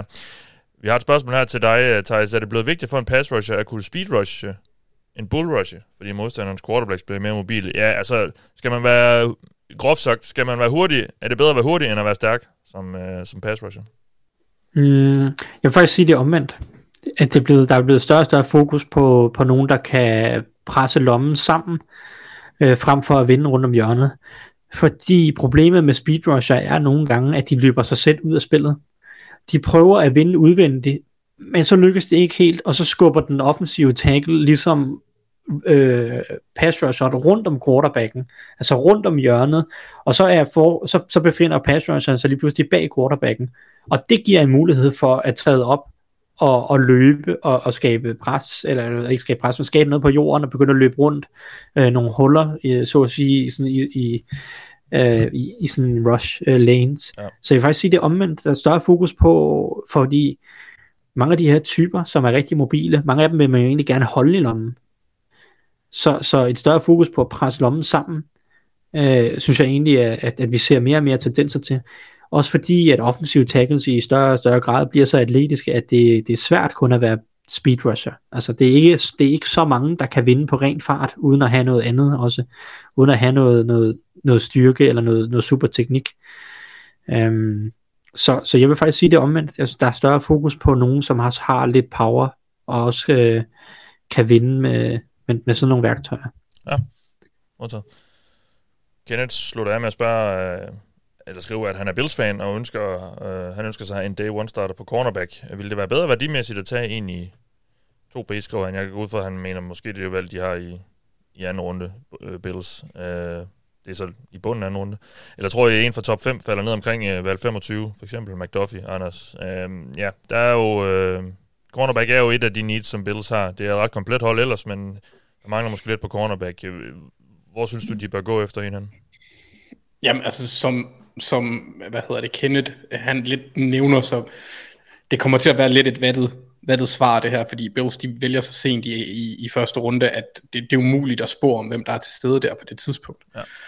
Ja. øh, hvis Trent McDuffie, han, det, der er en mulighed for, at han kan være der. Det kommer an på, hvilke run der kommer på hvilke positionsgrupper. Jeg tror ikke, han kommer til at være der, fordi jeg tror, at Derek Stingley, han går langt før end de fleste af os tror. Han, han, han ryger ikke i nærheden af Ravens, så Ravens ser jeg lidt som et cut-off i forhold til, ja. ikke et cut-off, men det er også et hold, der godt kunne tage en kroner. Mm. Der kommer et par stykker i det område, der godt kunne tage en kroner inden Bills, så jeg tror, hvis de skal have fat i en top 5, så skal de nok pakke noget sammen, og så sende, sende, sende nogle valg opad for at, at, at få en af de to, eller ja, få, få en McDuffie, fordi jeg tror, ja, jeg, jeg, jeg, jeg har det ligesom dig, jeg er bange for Elam, jeg, jeg er bange for Booth, og jeg synes, det er for tidligt med Gordon, og øh, hvem der ellers kunne være der. Nu har jeg lige glemt dem. McCreary, han kunne godt være ved dem i, i anden ja. runde, ja. hvis det er sådan, at de er ligeglade med, at han har dinosaurarme. Ja. ja, det er det, der bliver snakket lidt om ham. Nå, lad os prøve at få nogle øh, spørgsmål ind her fra kommentarsporet. Daniel Nielsen starter med at spørge, om det kommer som podcast. Ja, det gør det, Daniel. Øh, vi håber selvfølgelig, I bliver ved med at se med ud, men ja, vi lægger det ud som podcast. Nå, man kan ikke se så meget af de spørgsmål, når jeg lige smider dem ind her. Øh, Og det kommer med ja, tiden. Ja, ja, ja. Øhm, Thomas Mathisen spørger, kan vi få det hele med? Ja, det kan vi godt. Thomas Mathisen spørger, hvem er den bedste kicker, og hvem er den bedste punter i årets draft? Og kan det på nogen måde forsvare sig at, at tage nogen af dem ind i 6. runde, Thijs? Har du scoutet nogen som helst øh, specialister? Nej, Nej. Øh, jeg har ikke. Men inde på draftbeat.dk ja. kan man godt læse en scouting report på øh, den punter, der hedder Matt Ariza øh, fra San Diego State. Ja. Han er indset som at være et af de største puntertalenter, puntertalenter i lang tid. Øh, han kunne godt gå i tredje eller fjerde runde. Jeg ja. tror stadig, det bliver fjerde runde, men altså, det, der, er nogen, der, der er nogen, der snakker om i tredje runde. Mm. Jeg tror, det bliver fjerde. Øh, kickermæssigt er, tror jeg ikke, der er sådan et, et topnavn. Jeg, jeg, jeg kan se, altså Dane Brugler, ja. som er The Athletics, øh, hvad hedder det, ekspert, han Jamen. har en kicker fra LSU, der hedder Katie York, som sin højeste rangeret. Ja. Jeremiah har tre specialister i hans top 150, og han er den øverste. Ja, og så Gabe uh, Brick, uh, hvad hedder det, Brickage. Brickage, ja. Uh, og så er der også en Cameron Dicker. Altså, mm. Dan Brugler, han har jo en tredje, fjerde runde grade på Matt Eraser. Mm. Men hvis, det er nogen også tager, hvis nogen tager en punter der, så, øh, så, så skal deres øh, licens til at have et hold fratages. Ja, men det tror jeg, der, jeg tror, der er faktisk forskellige hold, der godt kunne finde på at tage Racer der i fire runde. Ja. Øh, der, er også, øh, der er også Jordan Stout fra Georgia, som også skulle være ret god. Jeg har, jeg har set nogle advanced analytics, der peger på, at Jordan Stout er, er markant bedre på alle andre områder, end at sparke langt end, okay. øh, i forhold til Racer. Ja. Øh, så det, det er en lille ting, man kan holde øje med. Ja. Men øh, det, det er dem, som, øh, som der ligesom er navnene. Øh, om der man burde tage nogle af dem inden 6. runde, øh, så er jeg nok nej. Nej, jeg, jeg har altid sagt, at jeg synes ikke, man burde. Bengals gjorde det sidste år, de to øh, Evan McPherson, og det endte jo med at være ret godt valg, men øh, ja, tidlig, det, det, tidlig 6. runde, tidlig 6. runde, synes jeg. Ja, altså det, jeg så en stat i dag, der, der viste, at den eneste kicker, der, jeg kan ikke huske, det var en eller anden i CPOE eller sådan noget, et eller andet med average guile. Den eneste kicker, der var noget værd, det var Justin Tucker. Resten var lart. Ja, jeg tror ikke, øh, man behøver at spille sin, sin draftvalg på det. Øhm, Michael Dahl Grydgaard spørger, hvad kommer der til at ske med Kyler Murray? Ja, vi, vi venter den også lidt for nylig, tror jeg nok. Øhm, Anders, hvad, altså, jeg tror ikke, der kommer til at ske nu. Ja, han får nogle penge på et tidspunkt. Ja, ja. Og... Men ikke nogen trade eller noget, regner med med. Nej, det tror jeg. Jeg tror, han bliver i Arizona. Øhm, det vil virkelig undre mig meget, hvis han med, hvad, hvad han var, 2019, 2020? 2019. Hvornår han blev taget? Det var en, må være... 2019. Ja, ja. Altså, han har spillet tre sæsoner. Jeg synes, folk skal til at slappe af med de der. Og han har ikke spillet... Altså, jo, han har, vist, han har bare ikke spillet konsistent på et højt niveau, og han har, han har haft skader hvert år. Ja. Jeg vil ikke give ham de penge. Nej. Han skal til at slappe af. Modtaget. Peter Christiansen spørger, om en spiller, kan blive, om en spiller, der bliver draftet, kan sige nej tak til en klub, og hvad sker der så? Ja, vi ser det ikke. Kan, kan de sige nej? Eli, ja det kan de godt, men så skal de vente et år, og så kan de gå ah, i draften igen. Ja, selvfølgelig, ja. Eli, ja, Eli blev jo taget, Eli Manning. Uh, ja, men han, men sagde, han, så, han, han sagde så inden, at han, han ville ikke tage eller han ville ikke spille for Chargers, som tog ham. Og så var det jo, de fik den handel med Giants, som tog Philip Rivers, mm. og så byttede de. Og, øh, og alle blev glade. Ja. Ja, men det er jo ikke sket, øh, at nogen decideret har sagt nej. Nej. Altså, Øhm, jo, Der, var Lale Collins, som jo havde en... Han blev jo et kort op til draften involveret i en morsag. Mor- ja. han, han var ikke mistænkt som sådan, men han skulle undersøges persons of interest i forbindelse med en drabsag. Ja. Han var anset som et første eller et andet rundevalg kort op til draften, og han, han altså der var jo ikke nogen, der ville vælge ham, men der var alligevel snak om, at, at der var nogle hold, der måske ville tage ham så i tredje, på tredje dagen af draften, og ligesom se, øh, ender det med, at han, han, er der noget med den her drabsag? Det var bogstaveligt talt en drabsag, der, der, der opstod sådan en uge før draften. Ja. Han sagde til de hold, at hvis jeg bliver valgt, øh, jeg- vil ikke vælges af noget som helst hold, jeg vil, fordi på grund af den her sag nu, jeg vil gerne have lov til selv at vælge, hvor jeg vil hen. Mm. Så han sagde, hvis jeg bliver valgt, så tager jeg et år, altså så, så venter jeg et år. ja, ja. Øh, fordi så kunne han selv få lov til at styre det. Nu, hvor han ikke længere skulle være et første rundevalg eller et andet rundevalg, så vil han selv have lov til at, at vælge det. Øh, og det blev så Cowboys, og der er han ikke med at blive anklaget, men, men så Cowboys, og nu er han så hos Bengals. Ikke? Men ja, ja. det, det samme sag kunne man have med en, en type som Adam Anderson i år, som er anklaget for to voldtægter øh, på nuværende tidspunkt. Nok også havde været et, nok havde været i værste fald i dag to valg. Men lige nu er jeg under anklage for to voldtægter. For Georgia. Øh, for Georgia, ja. ja, ja. Også ganske god jo, men, men der er nok ikke nogen, der vil røre ved ham. Det tror jeg heller ikke, han bliver ikke valgt. Nej, nej. men ellers så kunne jeg også godt se situationer, hvor vi har multiatleter, men de er så sjældne. Altså det er John Elway, øh, Kyler Murray, Åh, de ja. der, hvor de har et alternativ. Ja, ja. Team Gunnar, Jeg, jeg, ja, bare- ja. Nå, men det var, der var en uh, Heisman Trophy vinder i, jeg tror fra 1995, der spiller for Florida State, der endte med at spille i NBA, fordi at han ikke kunne blive sikret og ville i et uh, første rundevalg. Mm, ja. Så valgte han at tage NBA-vejen i stedet for. Team Gunnar Tofte Andersen skriver, Trayvon Walker er nu Vegas' favorit til at gå på valg nummer et. Tror vi på det? Og vores series første mulighed for en kæmpe overraskelse i forhold til alle eksperters forventninger? Jeg tror vi på Trevor Walker. Der begynder at være... Altså, der har været snak om det nu i noget tid. Kunne det gøre det? Kunne det gøre det? Øh, måske, måske er der blevet sagt. Og, og nu begynder flere, øh, som har mange forbindelser til NFL, at, og sige, at det godt kan ske, og det måske nok sker. Øh, Adam, Adam Schefter har lige været ude at sige her for en time siden, at han vil være overrasket, hvis Aiden Hutchinson er i spil til første valget. Hvis han er i spil til første valget. Okay. Han siger, at det står mellem Trevor Walker og en offensiv En tackle. tackle. Ja. Den, den, der med tackle er jo også begyndt lidt, fordi nu har vi i flere måneder, har alle mocket, i alle mock drafts, sendt edges til dem, og jeg har jo, og vi har også snakket om det, jeg har, jeg har hele tiden tænkt, hvorfor, hvorfor de skal da have en tackle. De skal da, og det tror jeg måske også, at det Doug Peterson gerne vil have. Spørgsmålet er også, hvad Trent Baalke, general manager, gerne vil have. Fordi jeg synes jo, de skal, pakke, de skal have pakket Trevor Lawrence ind og gjort uh, livet så nemt for ham som muligt. Um, men, men lad os lige vende tilbage til det. Trevor Walker. Tror vi på det? Lige nu? Ja. Det tror jeg. Og, og hvis det skulle være en tackle, hvem, hvem er, kunne det så være? Uh, Evan Neal? Ikke Mono, tror jeg. Jeg er ret sikker på. Det er ham, rygterne går på, at, Okay. at Doug Peterson og Trent Borke for den sags skyld skulle være ret, vilde, øh, skulle være ret vilde med. Ja, okay. Øh, og, og Borke så også øh, Trevor Walker øh, fan derudover. Så det er så den beslutning, de skal tage. Jeg tror, det bliver en af de to. Modtaget. Og, hvor, og så i forhold til anden del af teams spørgsmål her, hvor ser I første mulighed for en kæmpe overraskelse i forhold til alle eksperters forventning? Uh, Anders, jeg ved ikke, hvad, hvad, er du, har du udsat dig nogle steder? Jamen, Jeg vil, jeg, jeg vil jo gerne have været holdt mig i top 10, men, men det synes jeg måske er lidt for svært. Jeg synes, vi skal lidt udenfor.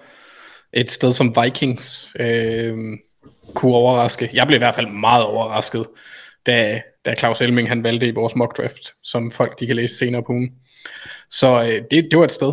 Washington, og i det område med 11 og 12, Washington ja. og Vikings, kunne jeg, kunne jeg se som et, lidt et what the fuck. Også fordi Vikings ved vi ikke rigtig helt, hvad gør med den nye øh, organisation og sådan noget, hvilken tilgang de har. Så Nej. det er spændt på at se det. Uh, Thijs, har du udsat dig nogle uh, valg, eller nogle steder, hvor der kunne komme nogle overraskelser måske? Øhm, man kan sige, Derek Stingley til Texans er der rygter om, og det vil efter, det er måske ikke så stor en overraskelse efterhånden. LSU, cornerbacken. Ja, men, men det meste af tiden har han forventet at gå i bunden af top 10, eller imellem 10 og 20. Øh, men han kunne godt gå helt op på tredje valget. Øh, går rygterne på. Ellers, ellers vil jeg pege på, øh, på Falcons. Øh, når man hører rundt omkring nogle af de her øh, folk, der normalt ved noget, agtigt nogle kilder, de ved, de har ingen idé om, hvor, hvad Falcons har tænkt sig. Nej. Altså, det, det giver måske mening, fordi Falcons har så mange mangler på deres hold, at de kan gå i mange retninger. Men, men, men det betyder også bare, at, at Ja, altså det, det kan virkelig gå i alle retninger. Og, og jeg, jeg, jeg kan ikke lade være med at tænke, hvis de har været så gode til at skjule alle de her ting, er der så en chance for, at de går quarterback? Ja. Uh, fordi jeg så Albert Breer var ude og sige tidligere i dag, at man skulle ikke udelukke quarterback, og han, han pegede på uh, Malik Willis eller Matt Corral, som, som de to, man skulle holde øje med i forhold til dem. Okay. Uh, om det så er i første runde, eller i anden runde, eller i en trade-up, eller altså, det, det er ikke til at vide i forhold til Falcons, men det der 8. valg, det kan, det kan godt, det kunne måske godt blive en overraskelse. Ja, modtaget. Carsten Lindegren spørger, hvornår man som hvornår, øh, undra- hvornår klubber må tage undrafted spillere, og hvordan det fungerer. Jamen, der fungerer det jo, der bliver rollerne jo faktisk vendt lidt om. Fordi der er det spillerne, der har magten. Og det er derfor, at der er faktisk, det er faktisk, mm, der er nogle spillere, som måske ligger i det leje her, syvende runde, sjette runde, som nok hellere vil, ikke vil draftes. Der er selvfølgelig noget prestige at blive taget i draften og så videre, men der, der er bare øh, mere selvbestemmelse, hvis man ikke bliver draftet. Det kræver selvfølgelig, at der er nogle hold, der er interesseret. Men der er nogle spillere, der ved, der, vil, der er hold interesseret, fordi det har de fået videre holdene på forhånd.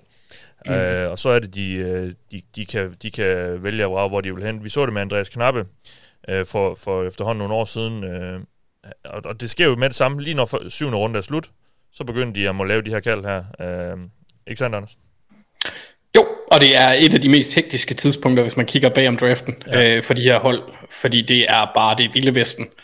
Øhm, der er også nogle hold, jeg har hørt blandt andet en podcast med tidligere øh, GM Rick Spielman, hvor at han snakkede også om, at de samlede nogle gange syvende rundevalg for at sikre sig spillere, som de anså som værende priority free agents, som ja. de kalder det, øhm, for at undgå ligesom at komme ud og skulle slås med dem. Øh, og de kan også tjene nogle gange, i nogle tilfælde kan de tjene flere penge hurtigere, fordi deres kontrakter ja. er kortere. Ja. Øhm, så hvis de, de lykkes med det der. Men altså, det, det, er, det er der, hvor du selv kan vælge som spiller. Mm. Øhm, Tony Romo er en kendt historie, hvor at, øhm, han endte med at vælge Cowboys, selvom de tilbød ham en lavere løn, fordi han havde en kortere vej til startpladsen i hans optik, end han havde hos øh, Denver Broncos på det tidspunkt. Ja. Øh, Jake Plummer er også en uhyggelig quarterback, så jeg kan godt forstå det. Ja. Øh, men det, men det giver jo sådan lidt, lidt mere øh, valgfrihed. Thijs, han nævnte jo Lyle Collins, at ikke ville øh, spille for dem, der valgte ham, hvis øh, han blev taget, altså fordi han har røg så langt ned på grund af den der sag. Han kunne selv vælge, og han fik også en relativt høj kontrakt af, af, af Cowboys i forhold til, hvad man må. Mm. Øh, så for nogle spillere kan det være en rigtig positiv oplevelse. Yes.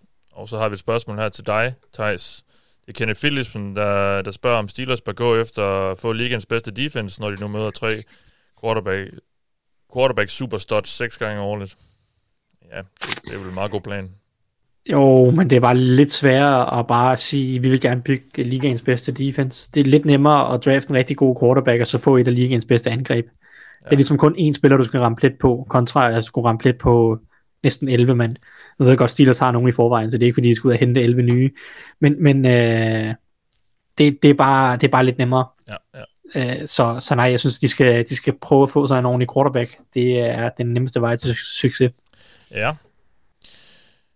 Et spørgsmål igen fra, fra Kenneth her. Han har skrevet ind, øh, han skriver Bills rygtes til at tage en running back i første runde, og så vil han høre dig, Thijs, øh, om nogle gode råd omkring, hvordan man fordøjer det. Kage, alkohol, søvn eller andet.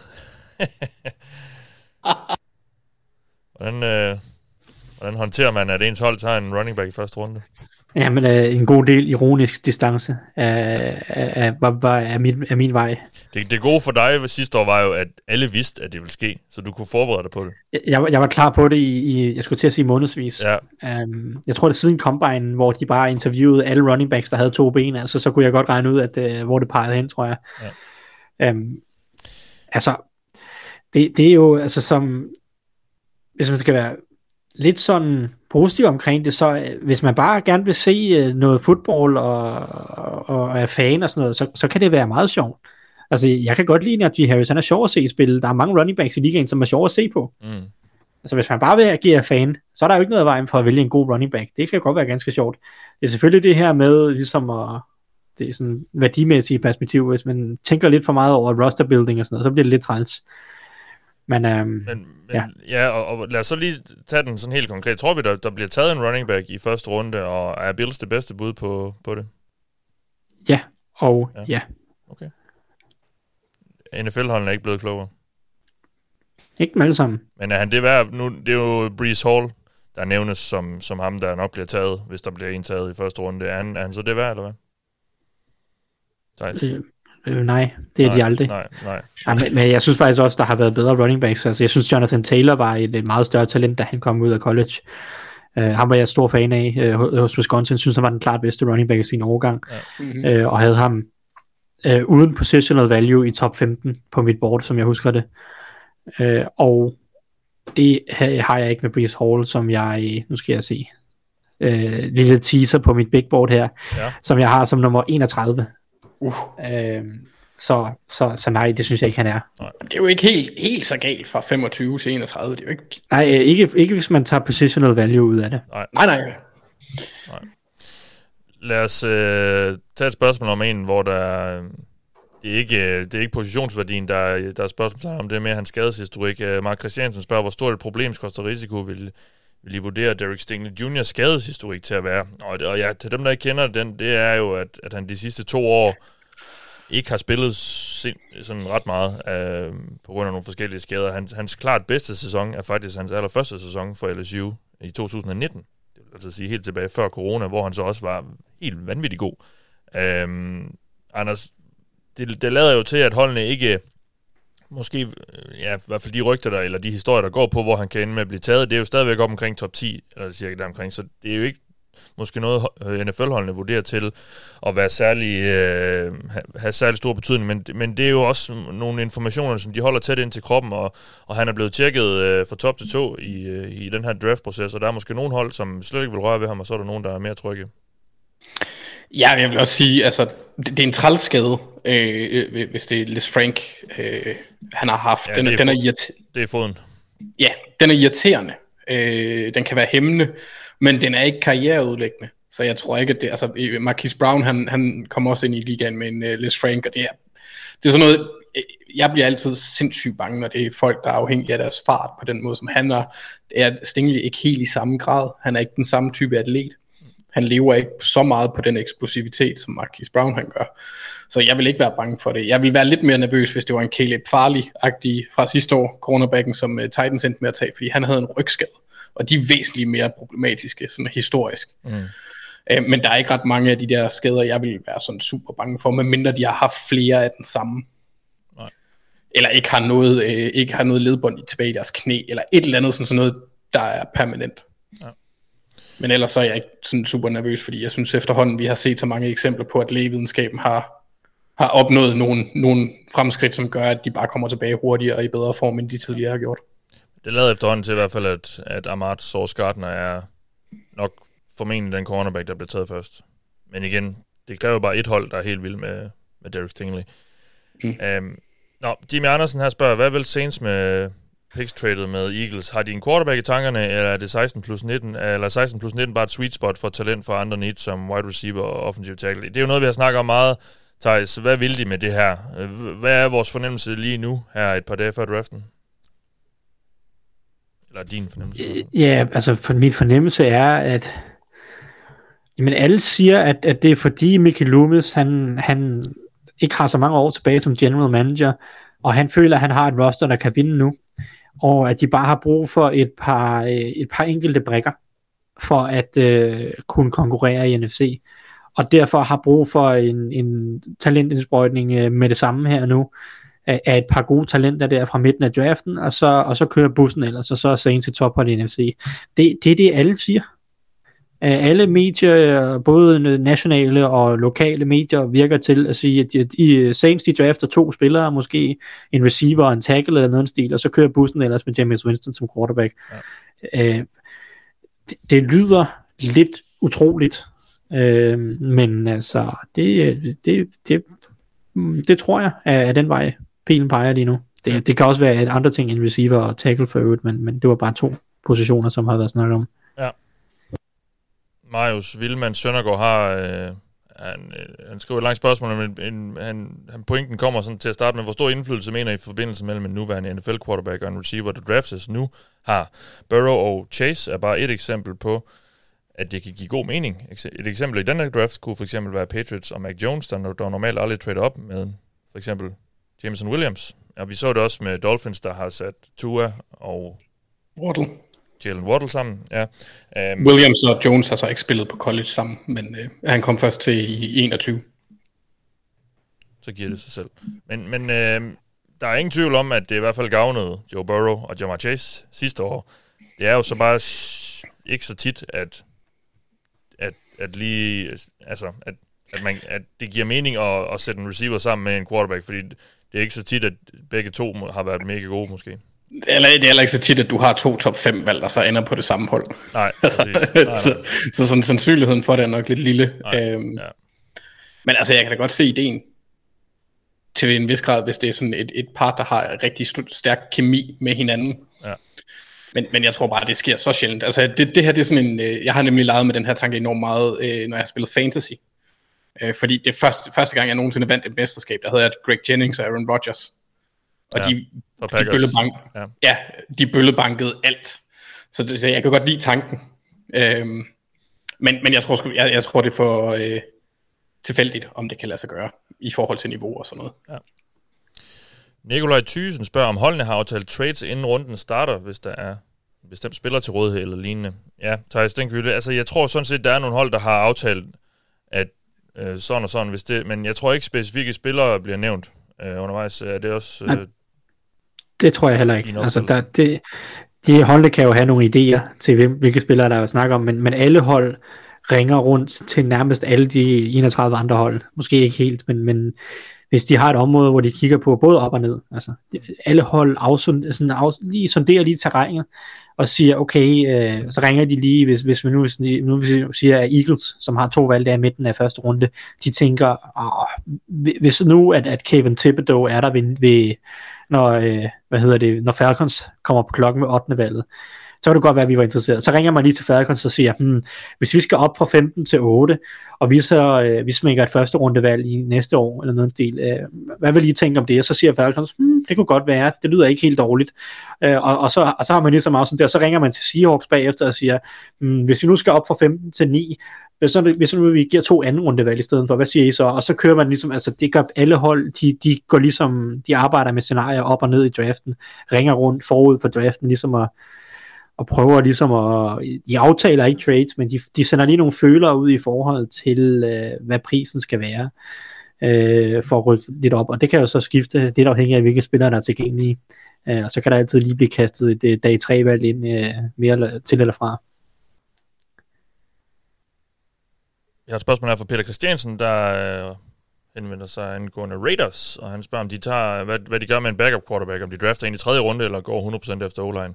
Jeg tror ikke, de bruger det, der så lige nu øh, er deres første valg i draften i tredje runde, der er på en, på en quarterback. Øh, det, der er jo simpelthen øh, for mange andre mangler, og så vigtig er en backup quarterback jo heller ikke at have.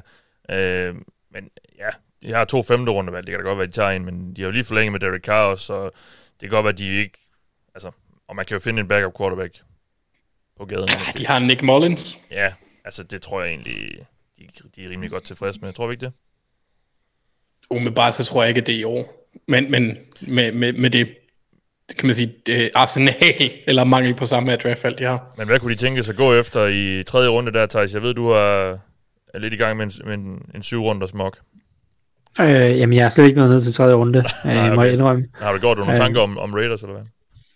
Øh, nej, Nej. øh, det må jeg indrømme, det har jeg ikke, men altså, men, men altså Raiders, de, de, jeg synes jo, at de skal kigge på den offensive linje stadigvæk, øh, først og fremmest, prøve at, at drafte lidt til den, øh, og de kunne sådan set også godt kigge på, i hvert fald den indvendige del af den defensive linje, øh, så, så det, det, det vil være, jeg vil i hvert fald kigge på den offensive linje, som noget af det første, øh, hvis jeg var, hvis jeg var Raiders. Endnu et spørgsmål fra Kenneth. Øh, Du er driftig, Kenneth. Tak for det. Øh, Hvem, hvilken QB passer bedst hos Coles, og forventer at Coles vil ind i anden til tredje runde? Nej. Ikke umiddelbart, øh, Anders. Nej, det tror jeg ikke, de gør. Nej, det tror jeg heller ikke. I, ikke i anden tredje runde, men jeg kom til at sidde og tænke på, hvem jeg troede, hvis det var. Ja. Altså, det, det der 5. 6. Det, det er jo altid sådan lidt... Jamen, det, gør, det har de gjort de sidste to år, har de Ja. taget, jeg mener, Jacob Eason for et par år siden, og Ja. så Sam Ellinger sidste år i 5. 6. runde området. Det kunne jeg godt se dem forsøge sig på igen. Ja, ja, ja. noget af den stil. Øh, Marius Villemann Søndergaard har et spørgsmål. Øh, er der en spiller, I mener har høj risiko for at falde i draften? Så nævner han, at de i Move the Sticks podcasten øh, har snakket om Kevin Thibodeau. Ja, det her med at falde, det er jo sådan, det er altid lidt et sjovt begreb, fordi det er jo i forhold til, hvad nogle medier mener, han bør være. Det er jo umuligt at, at vide, hvad holdene, hvor holdene synes, spillerne bør tages. Øh, tages et bud på en, der kan falde. Altså Kyle Hamilton er vel øh, et navn, som, som jo i starten af året og i lang tid har været nævnt som den måske bedste spiller i hele draften. Men nu begynder det sådan lidt at, at være et spørgsmål om, om hans fart blandt andet og så videre, og, og det er ikke urealistisk, at han måske kunne falde ud af top 10, er det det? Nej, det forventer jeg, at han gør. Hvis ikke, hvis ikke Falcons tager ham med 8. valg, så tror jeg ikke, ja. der er et sted til ham i top 10. Nej. Øh, og jeg tror, det er mere sandsynligt, at han falder ud af top 20, end han går i top 10. Ja. Ej, det er det bedste så, bud på en, der så, vi mener, kan, kan falde i draften, eller hvad? Ja, der er lidt forskellige øh, spillere, som også godt kunne falde. Så jeg kunne sagtens se, øh, øh, der er lidt snak om, at George Kalafdis, øh, Tyler Linderborg, begge to kunne falde ud af første runde. Ja. Øh, det, det er jo nogle spillere, det, det som, ikke. som... Det skal jeg ikke. Ikke begge to. Nej, måske ikke begge to, men de kan, de kan begge to falde ja. øh, i en grad. Så er der quarterbacks, som jo har været hyped i perioder, kan falde. Kenny Pickett, øh, Malik Willis, hvis ikke Steelers der ham, øh, kan, kan jo alle sammen falde ud af første runde. Øh, så, så, så der er jo, der er mange spillere, som, som kan falde lidt lige pludselig af, af forskellige årsager, øh, som, som kan være svære at gennemskue også nogle gange. Så, men det, jeg tror, Carl Hamilton er det største navn, og så ellers måske, øh, som, som så sagt, Karl Aftis eller Linderborn. Ja, og igen, der, der er også mange delte meninger om de her spillere, så, så det er svært sådan at... Og, altså det, det var noget andet, hvis der var sådan, at alle var enige om, at den, den og den spiller var den klart bedste position. Det er nærmest kun Karen Hamilton, hvor vi siger, han er, okay, han er klart den bedste safety, men på grund af måske også noget med positionens værdi og og de spørgsmål, der nu er opstået omkring hans fart og sådan noget, altså, og, ja, og nødvendigheden af, at han spiller som ham, kan, kan jo så gøre, at, at et hold kan i midten af runden måske kan ende med at få ham, og det vil de så nok være ret glade for. Uh, Anders, jeg ved ikke, har du nogen i sigte? Øh, Thijs han kom sådan set ind på alle dem, jeg havde tænkt mig at ramme, fordi det er dem, der øh, deltager ved, ved, øh, ved selve draften. Øh, blandt andet Kalafdis og så to quarterbacks, Matt Corral og øh, Willis. Malik, der var du. Ja. Øh, de er, er angiveligt i forhold til den side, jeg læste, til stede på dagen, og det er der, hvor historien de begynder at blive brygget, når de sidder derinde længe og sådan noget. Altså, vi så det med Rogers, vi så det med Lamar øh, hele vejen igennem. Når du, når du har det der kamera i ansigtet, så bliver det sådan lidt mere intenst. Ja. Så kommer vi til at lægge mere mærke til det, og der er Karl Aftis og quarterback en god mulighed. Ja.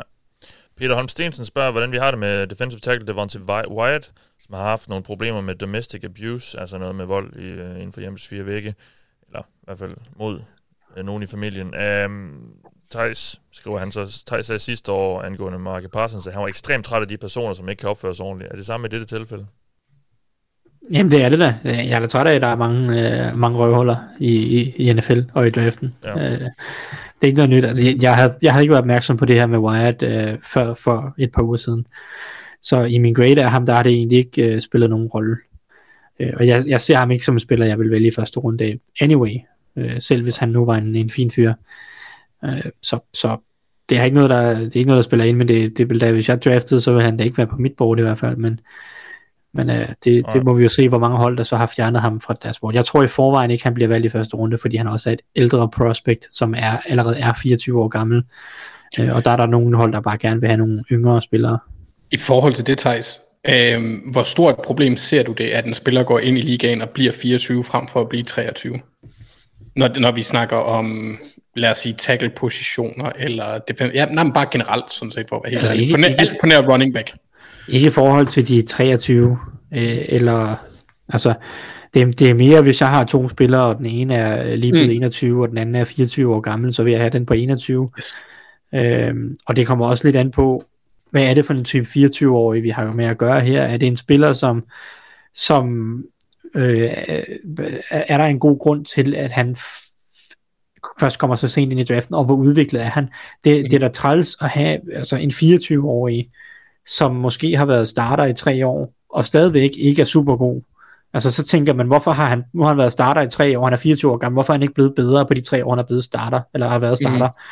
Øh, der, men der kan jo også være eksempler på en 24-årig, som kun har været starter i en sæson, øh, og, og, og, og har noget potentiale, hvor man ligesom siger, okay, han er 24, fair nok, han skal bruge to år, for han når sit potentiale, men jeg tror på, at der er noget mere potentiale, fordi at vi har set ham forbedre sig bare i det ene år, han har været starter. Øh, så, så der, der er jo sådan lidt frem og tilbage der med, hvor længe de har været starter, og hvor meget potentiale har de, øh, og alle de her ting, som er en meget svær kalkyle at, at lave. Øh, Mm. Ja, det er meget individuelt. Det er det. Okus Christensen spørger, hvorfor quarterback Bailey Zapp, er det Zappi eller Zappi? Jeg tror, det er Zappi.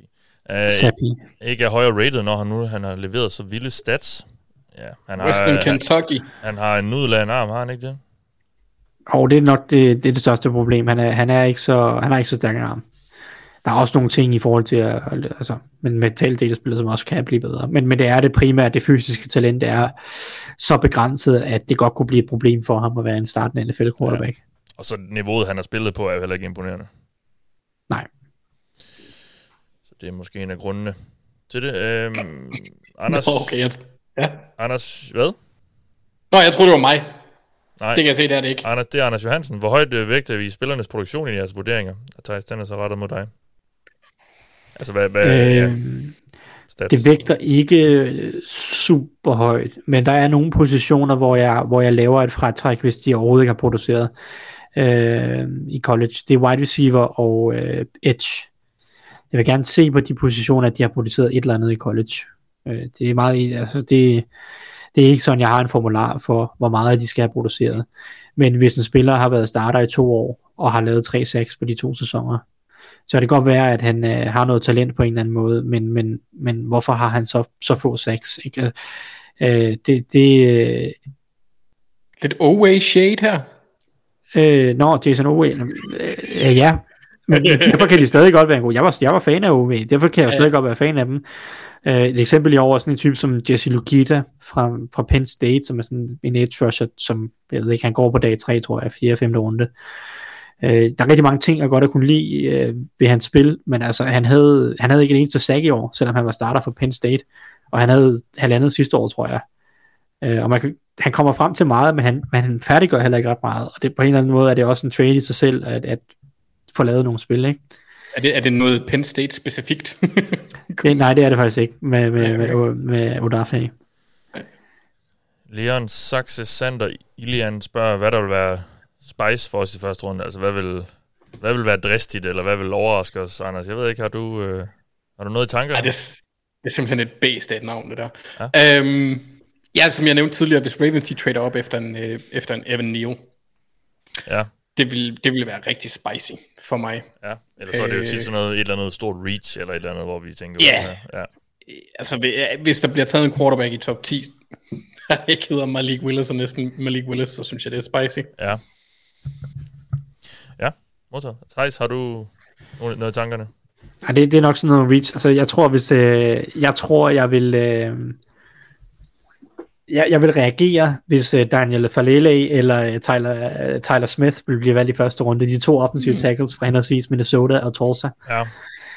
Øh, det, Falele vil bare være hysterisk morsom, fordi han er et, et, et gigantisk menneske, øh, altså, og Tyler Smith vil jeg reagere på, fordi han er et kæmpe projekt, han spiller, som jeg slet ikke forstår skal gå i nærheden af første runde.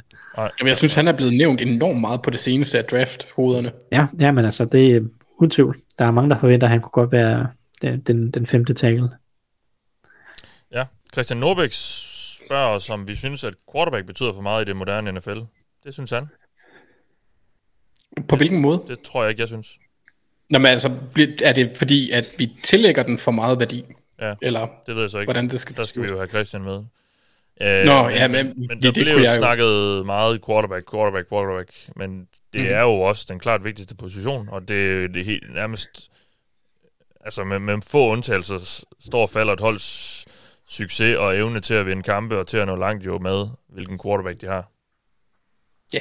Øh, men så, jeg ved så ikke, om Christian mener, om, eller om han så mener, at, at quarterback har for stor en rolle på et hold, men det er jo altså bare ham, der som en af to personer rører bolden på hvert spil. Øhm, så det er jo Og uundgåeligt. han mener, om det har haft stor betydning for, om det er godt eller ej. Eller... Det ved jeg ikke. Mm, Jamen, det, det er jo svært, fordi det en rigtig, rigtig, rigtig god quarterback kan gøre det rigtig, rigtig, rigtig dårligt hold virkelig, virkelig godt. Men jo mindre skrevet bliver jo, mindre voldsomt bliver det jo også. Altså, Det kan også være, han tænker i forhold til det her med, at mange regler, altså, det, det, quarterbacken bliver, til, bliver til gode set i det moderne NFL.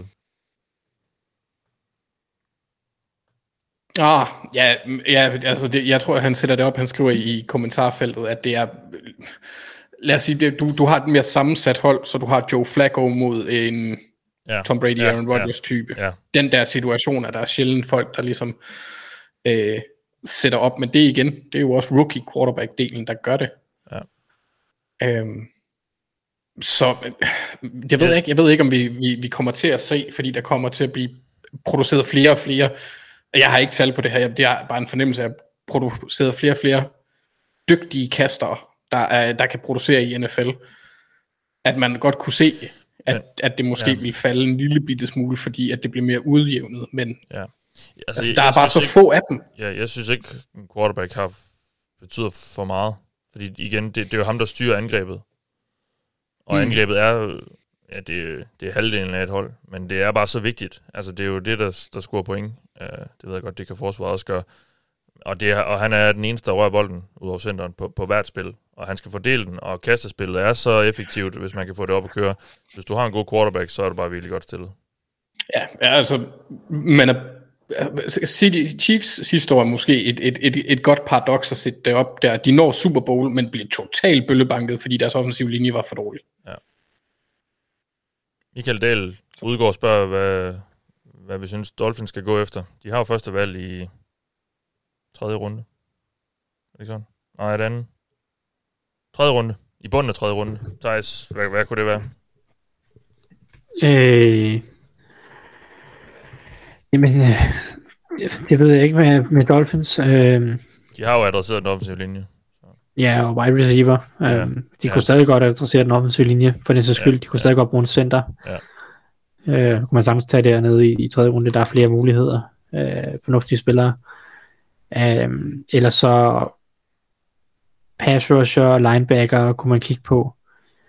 Øhm, det var i hvert fald noget af, det, før de traded øh, sig til Tyreek Hill, der, der, der sad jeg i hvert fald og kiggede på, om de, om de kunne hente en linebacker til forsvaret. Så det, det, det vil jeg tro også er på bordet. Så linebacker og center, det kunne godt være to steder at kigge hen. Lad os lige tage et par spørgsmål her mere, inden vi lukker ned.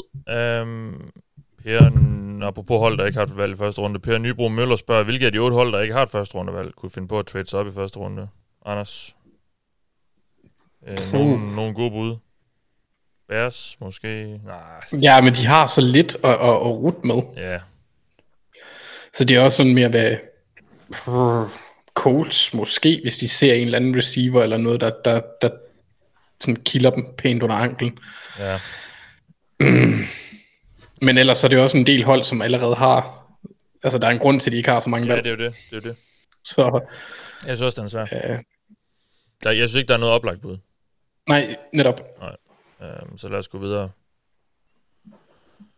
Min bror, han spørger, om øh, han som Giants-fan overhovedet kan være så heldig, at han, øh, de får en af de tre top tackles, hvis Jaguars aller vælger en som nummer et.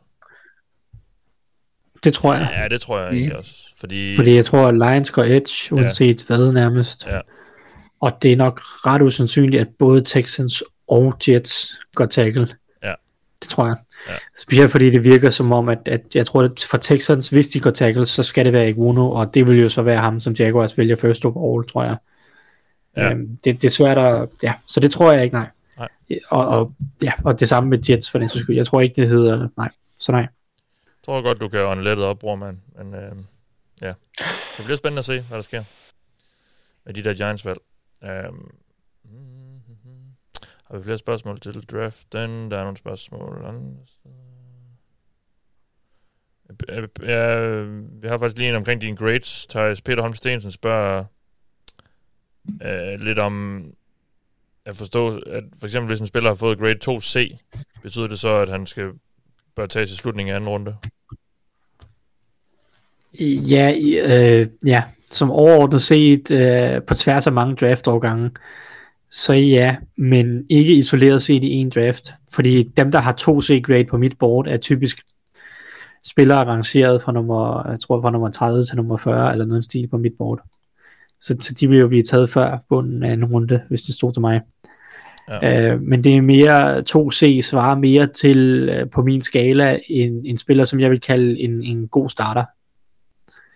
Øh, det er mere sådan, man skal se en skalaen. For mig er, er skalaen sådan 1A, det er sådan nogle øh, spillere, der dominerer på position. Det er mange år i All-Pros øh, agtige spillere. 1B er øh, virkelig, virkelig dygtige spillere, All-Pro potentiale, eller så bare sådan Pro Bowlers. 1C, øh, det samme Pro Bowler-agtige spillere, gode spillere. Øh, 2A, en virkelig, virkelig dygtig starter, der måske kan blive endnu mere. 2B, en, en dygtig starter. 3C, en, okay, eller 2C, ja. en overmiddel starter, og så sådan og det er meget løst oversat, ikke? Men, men sådan så kører det ligesom ned igennem, og, mm. øh, og, og det er mere sådan, man skal se det. 2C er for mig en, en overmiddel starter i NFL. Ja. Så det er mere sådan, man skal se det. Et sidste spørgsmål, der var et her, jeg tænkte lige, vi kunne tage med. Kenneth Philipsen, der spørger, hvorfor, vi har snakket været lidt ind over det, hvad betyder, hvorfor betyder alvorlig skade så lidt i forhold til draft? Jamen, altså, som også vi, altså, den moderne videnskab kan bare fikse meget på kort tid. Du er muted. Det kan den, og nu er jeg ikke muted. Nej. altså, vi, vi så, jeg synes, det største skridt, det skete der omkring dengang uh, Adrian Peterson, han, han blev korsbundsskadet, og så året efter slog rekorden. Mener det var året efter, han slog rekorden på rushing yards. Eller var tæt på, var tæt på.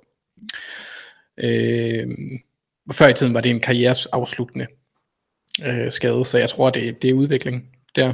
Ja. Ikke at jeg og ikke tror, at det ikke betyder noget. Det kommer også an på, hvilken type skade det er. Der er en type som uh, Damon Clark fra LSU, en linebacker, som man nok får forventet at gå i anden eller tredje runde, som har fået, uh, altså som skal, det er noget med ryggen, uh, spinal fuse, et eller andet. Ikke? Altså, men, men er det ikke også det samme med Justin Ross? Uh, receiveren der, det er også noget nasty rygskade.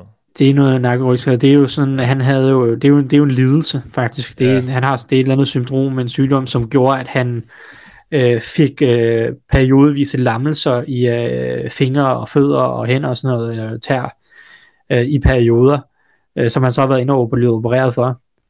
Øh, og, og, og det, det skulle så være, være, være godt nu, men jeg ved ikke, om det kan blive værre igen, eller hvordan det kan være. Altså, det er jo det, NFL-holdene må ind og prøve at få en lægelig vurdering af. Jeg ved, ham, der har lavet operation på Justin Ross, det var den samme, som opererede Ryan Shazier. Okay, øhm, ja, okay. For, for nogle Så ja, det er sådan noget med lammelser og potentielt, men det er jo, det er jo ja, så meget alvorligt. Det, det, er, det er noget, som øh, jeg tror, lægen har udtalt, at han har aldrig nogensinde hørt om nogen have den her lidelse, som har dyrket, øh, fut, eller så har spillet fodbold på højt niveau. Okay. Øhm, men, øh, det, ja, og så der, der er jo også nogen, der har de der skader, hvor de sådan, vil sige, okay, de kan måske klare sig at spille i tre år. Er det et valg værd? Øh, mm det, det fungerer også, men altså de der klassiske korsbånds, hvad hedder det, ledbåndsskader og sådan noget, der tidligere været udlæggende, de er det ikke længere. Nej. Det var det. I samme grad. Ja, det var det for spørgsmålene. Tusind, tusind tak for de mange spørgsmål. De var gode, og de kom vidt omkring, og vi håber... Øh, nu, nu kan vi næsten ikke gøre mere her på det ovale kontor i hvert fald, i forhold til at klæde, øh, klæde jer derude på, i forhold til draften. Og øh, har I ikke fået hørt de programmer, vi har lavet de sidste par uger, så gå ind og find dem der, hvor du hører podcast. Der er rigeligt at tage fat på, og øh, det her kommer altså også ud som podcast. Øh, Thijs, du er jo øh, en travl mand, i, øh, især i den her uge. Øh, du har nogle ting undervejs. Øh, hvad, hvad, hvad kan folk forvente for dig? Jamen, øh, vi kan forvente øh, fra mit vedkommende øh, de sidste rangeringer på de forskellige positioner. Øh, der mangler lige, øh, som jeg husker det, edge linebacker og de to øh, defensive backs, de, de kommer i, i dag og i morgen og på onsdag måske de sidste. Øh, så kommer der mine overordnede rangeringer, hvor jeg rangerer øh, over 200 spillere, øh, som nok lander onsdag aften eller torsdag morgen. Øh, jeg er lidt presset, men det, skal lige, det hele skal lige blive færdigt. Og det sidste kommer, der kommer, det er så en syv runders mock draft, hvor jeg prøver at gætte samtlige 200, jeg ved ikke, hvor mange valg er der jo, 55 eller noget ja, stil. Ja. Uh, og, og det, der rammer jeg selvfølgelig uh, i gennemsnit sådan cirka øh, 10 eller noget stil. Ja, ja. De sidste to år, jeg har lavet det. Uh, ej, det var lidt bedre sidste år, fordi jeg valgte at udgive den på draftdagen, og ikke i starten af draftugen. Ja. Så hører man lidt flere rygter. Det er jo det. det, er jo det. Og det er også det, der er målet i år. Um, så det, det, det er det, man kan forvente fra mig i den her uge. Der er ingen, øh, der kan beskylde dig for at ligge på den lade side, og vi gør jo også her på Gul Klud alt for, øh, at de derude har, øh, har rigeligt med indhold, I kan fordybe jer i. Især i den her uge, hvor vi jo som sagt også går live her på, på Facebook, hvor vi kommenterer første, anden og tredje runde af draften. Det glæder vi os rigtig, rigtig meget til, og vi håber, at I er med os. Det var det for denne omgang af det ovale kontor. Du har lyttet og kigget på mig. Jeg hedder Mathias Sørensen. Med mig har jeg haft Anders Kaltoft og Thijs Joranger. Vi lyttes ved.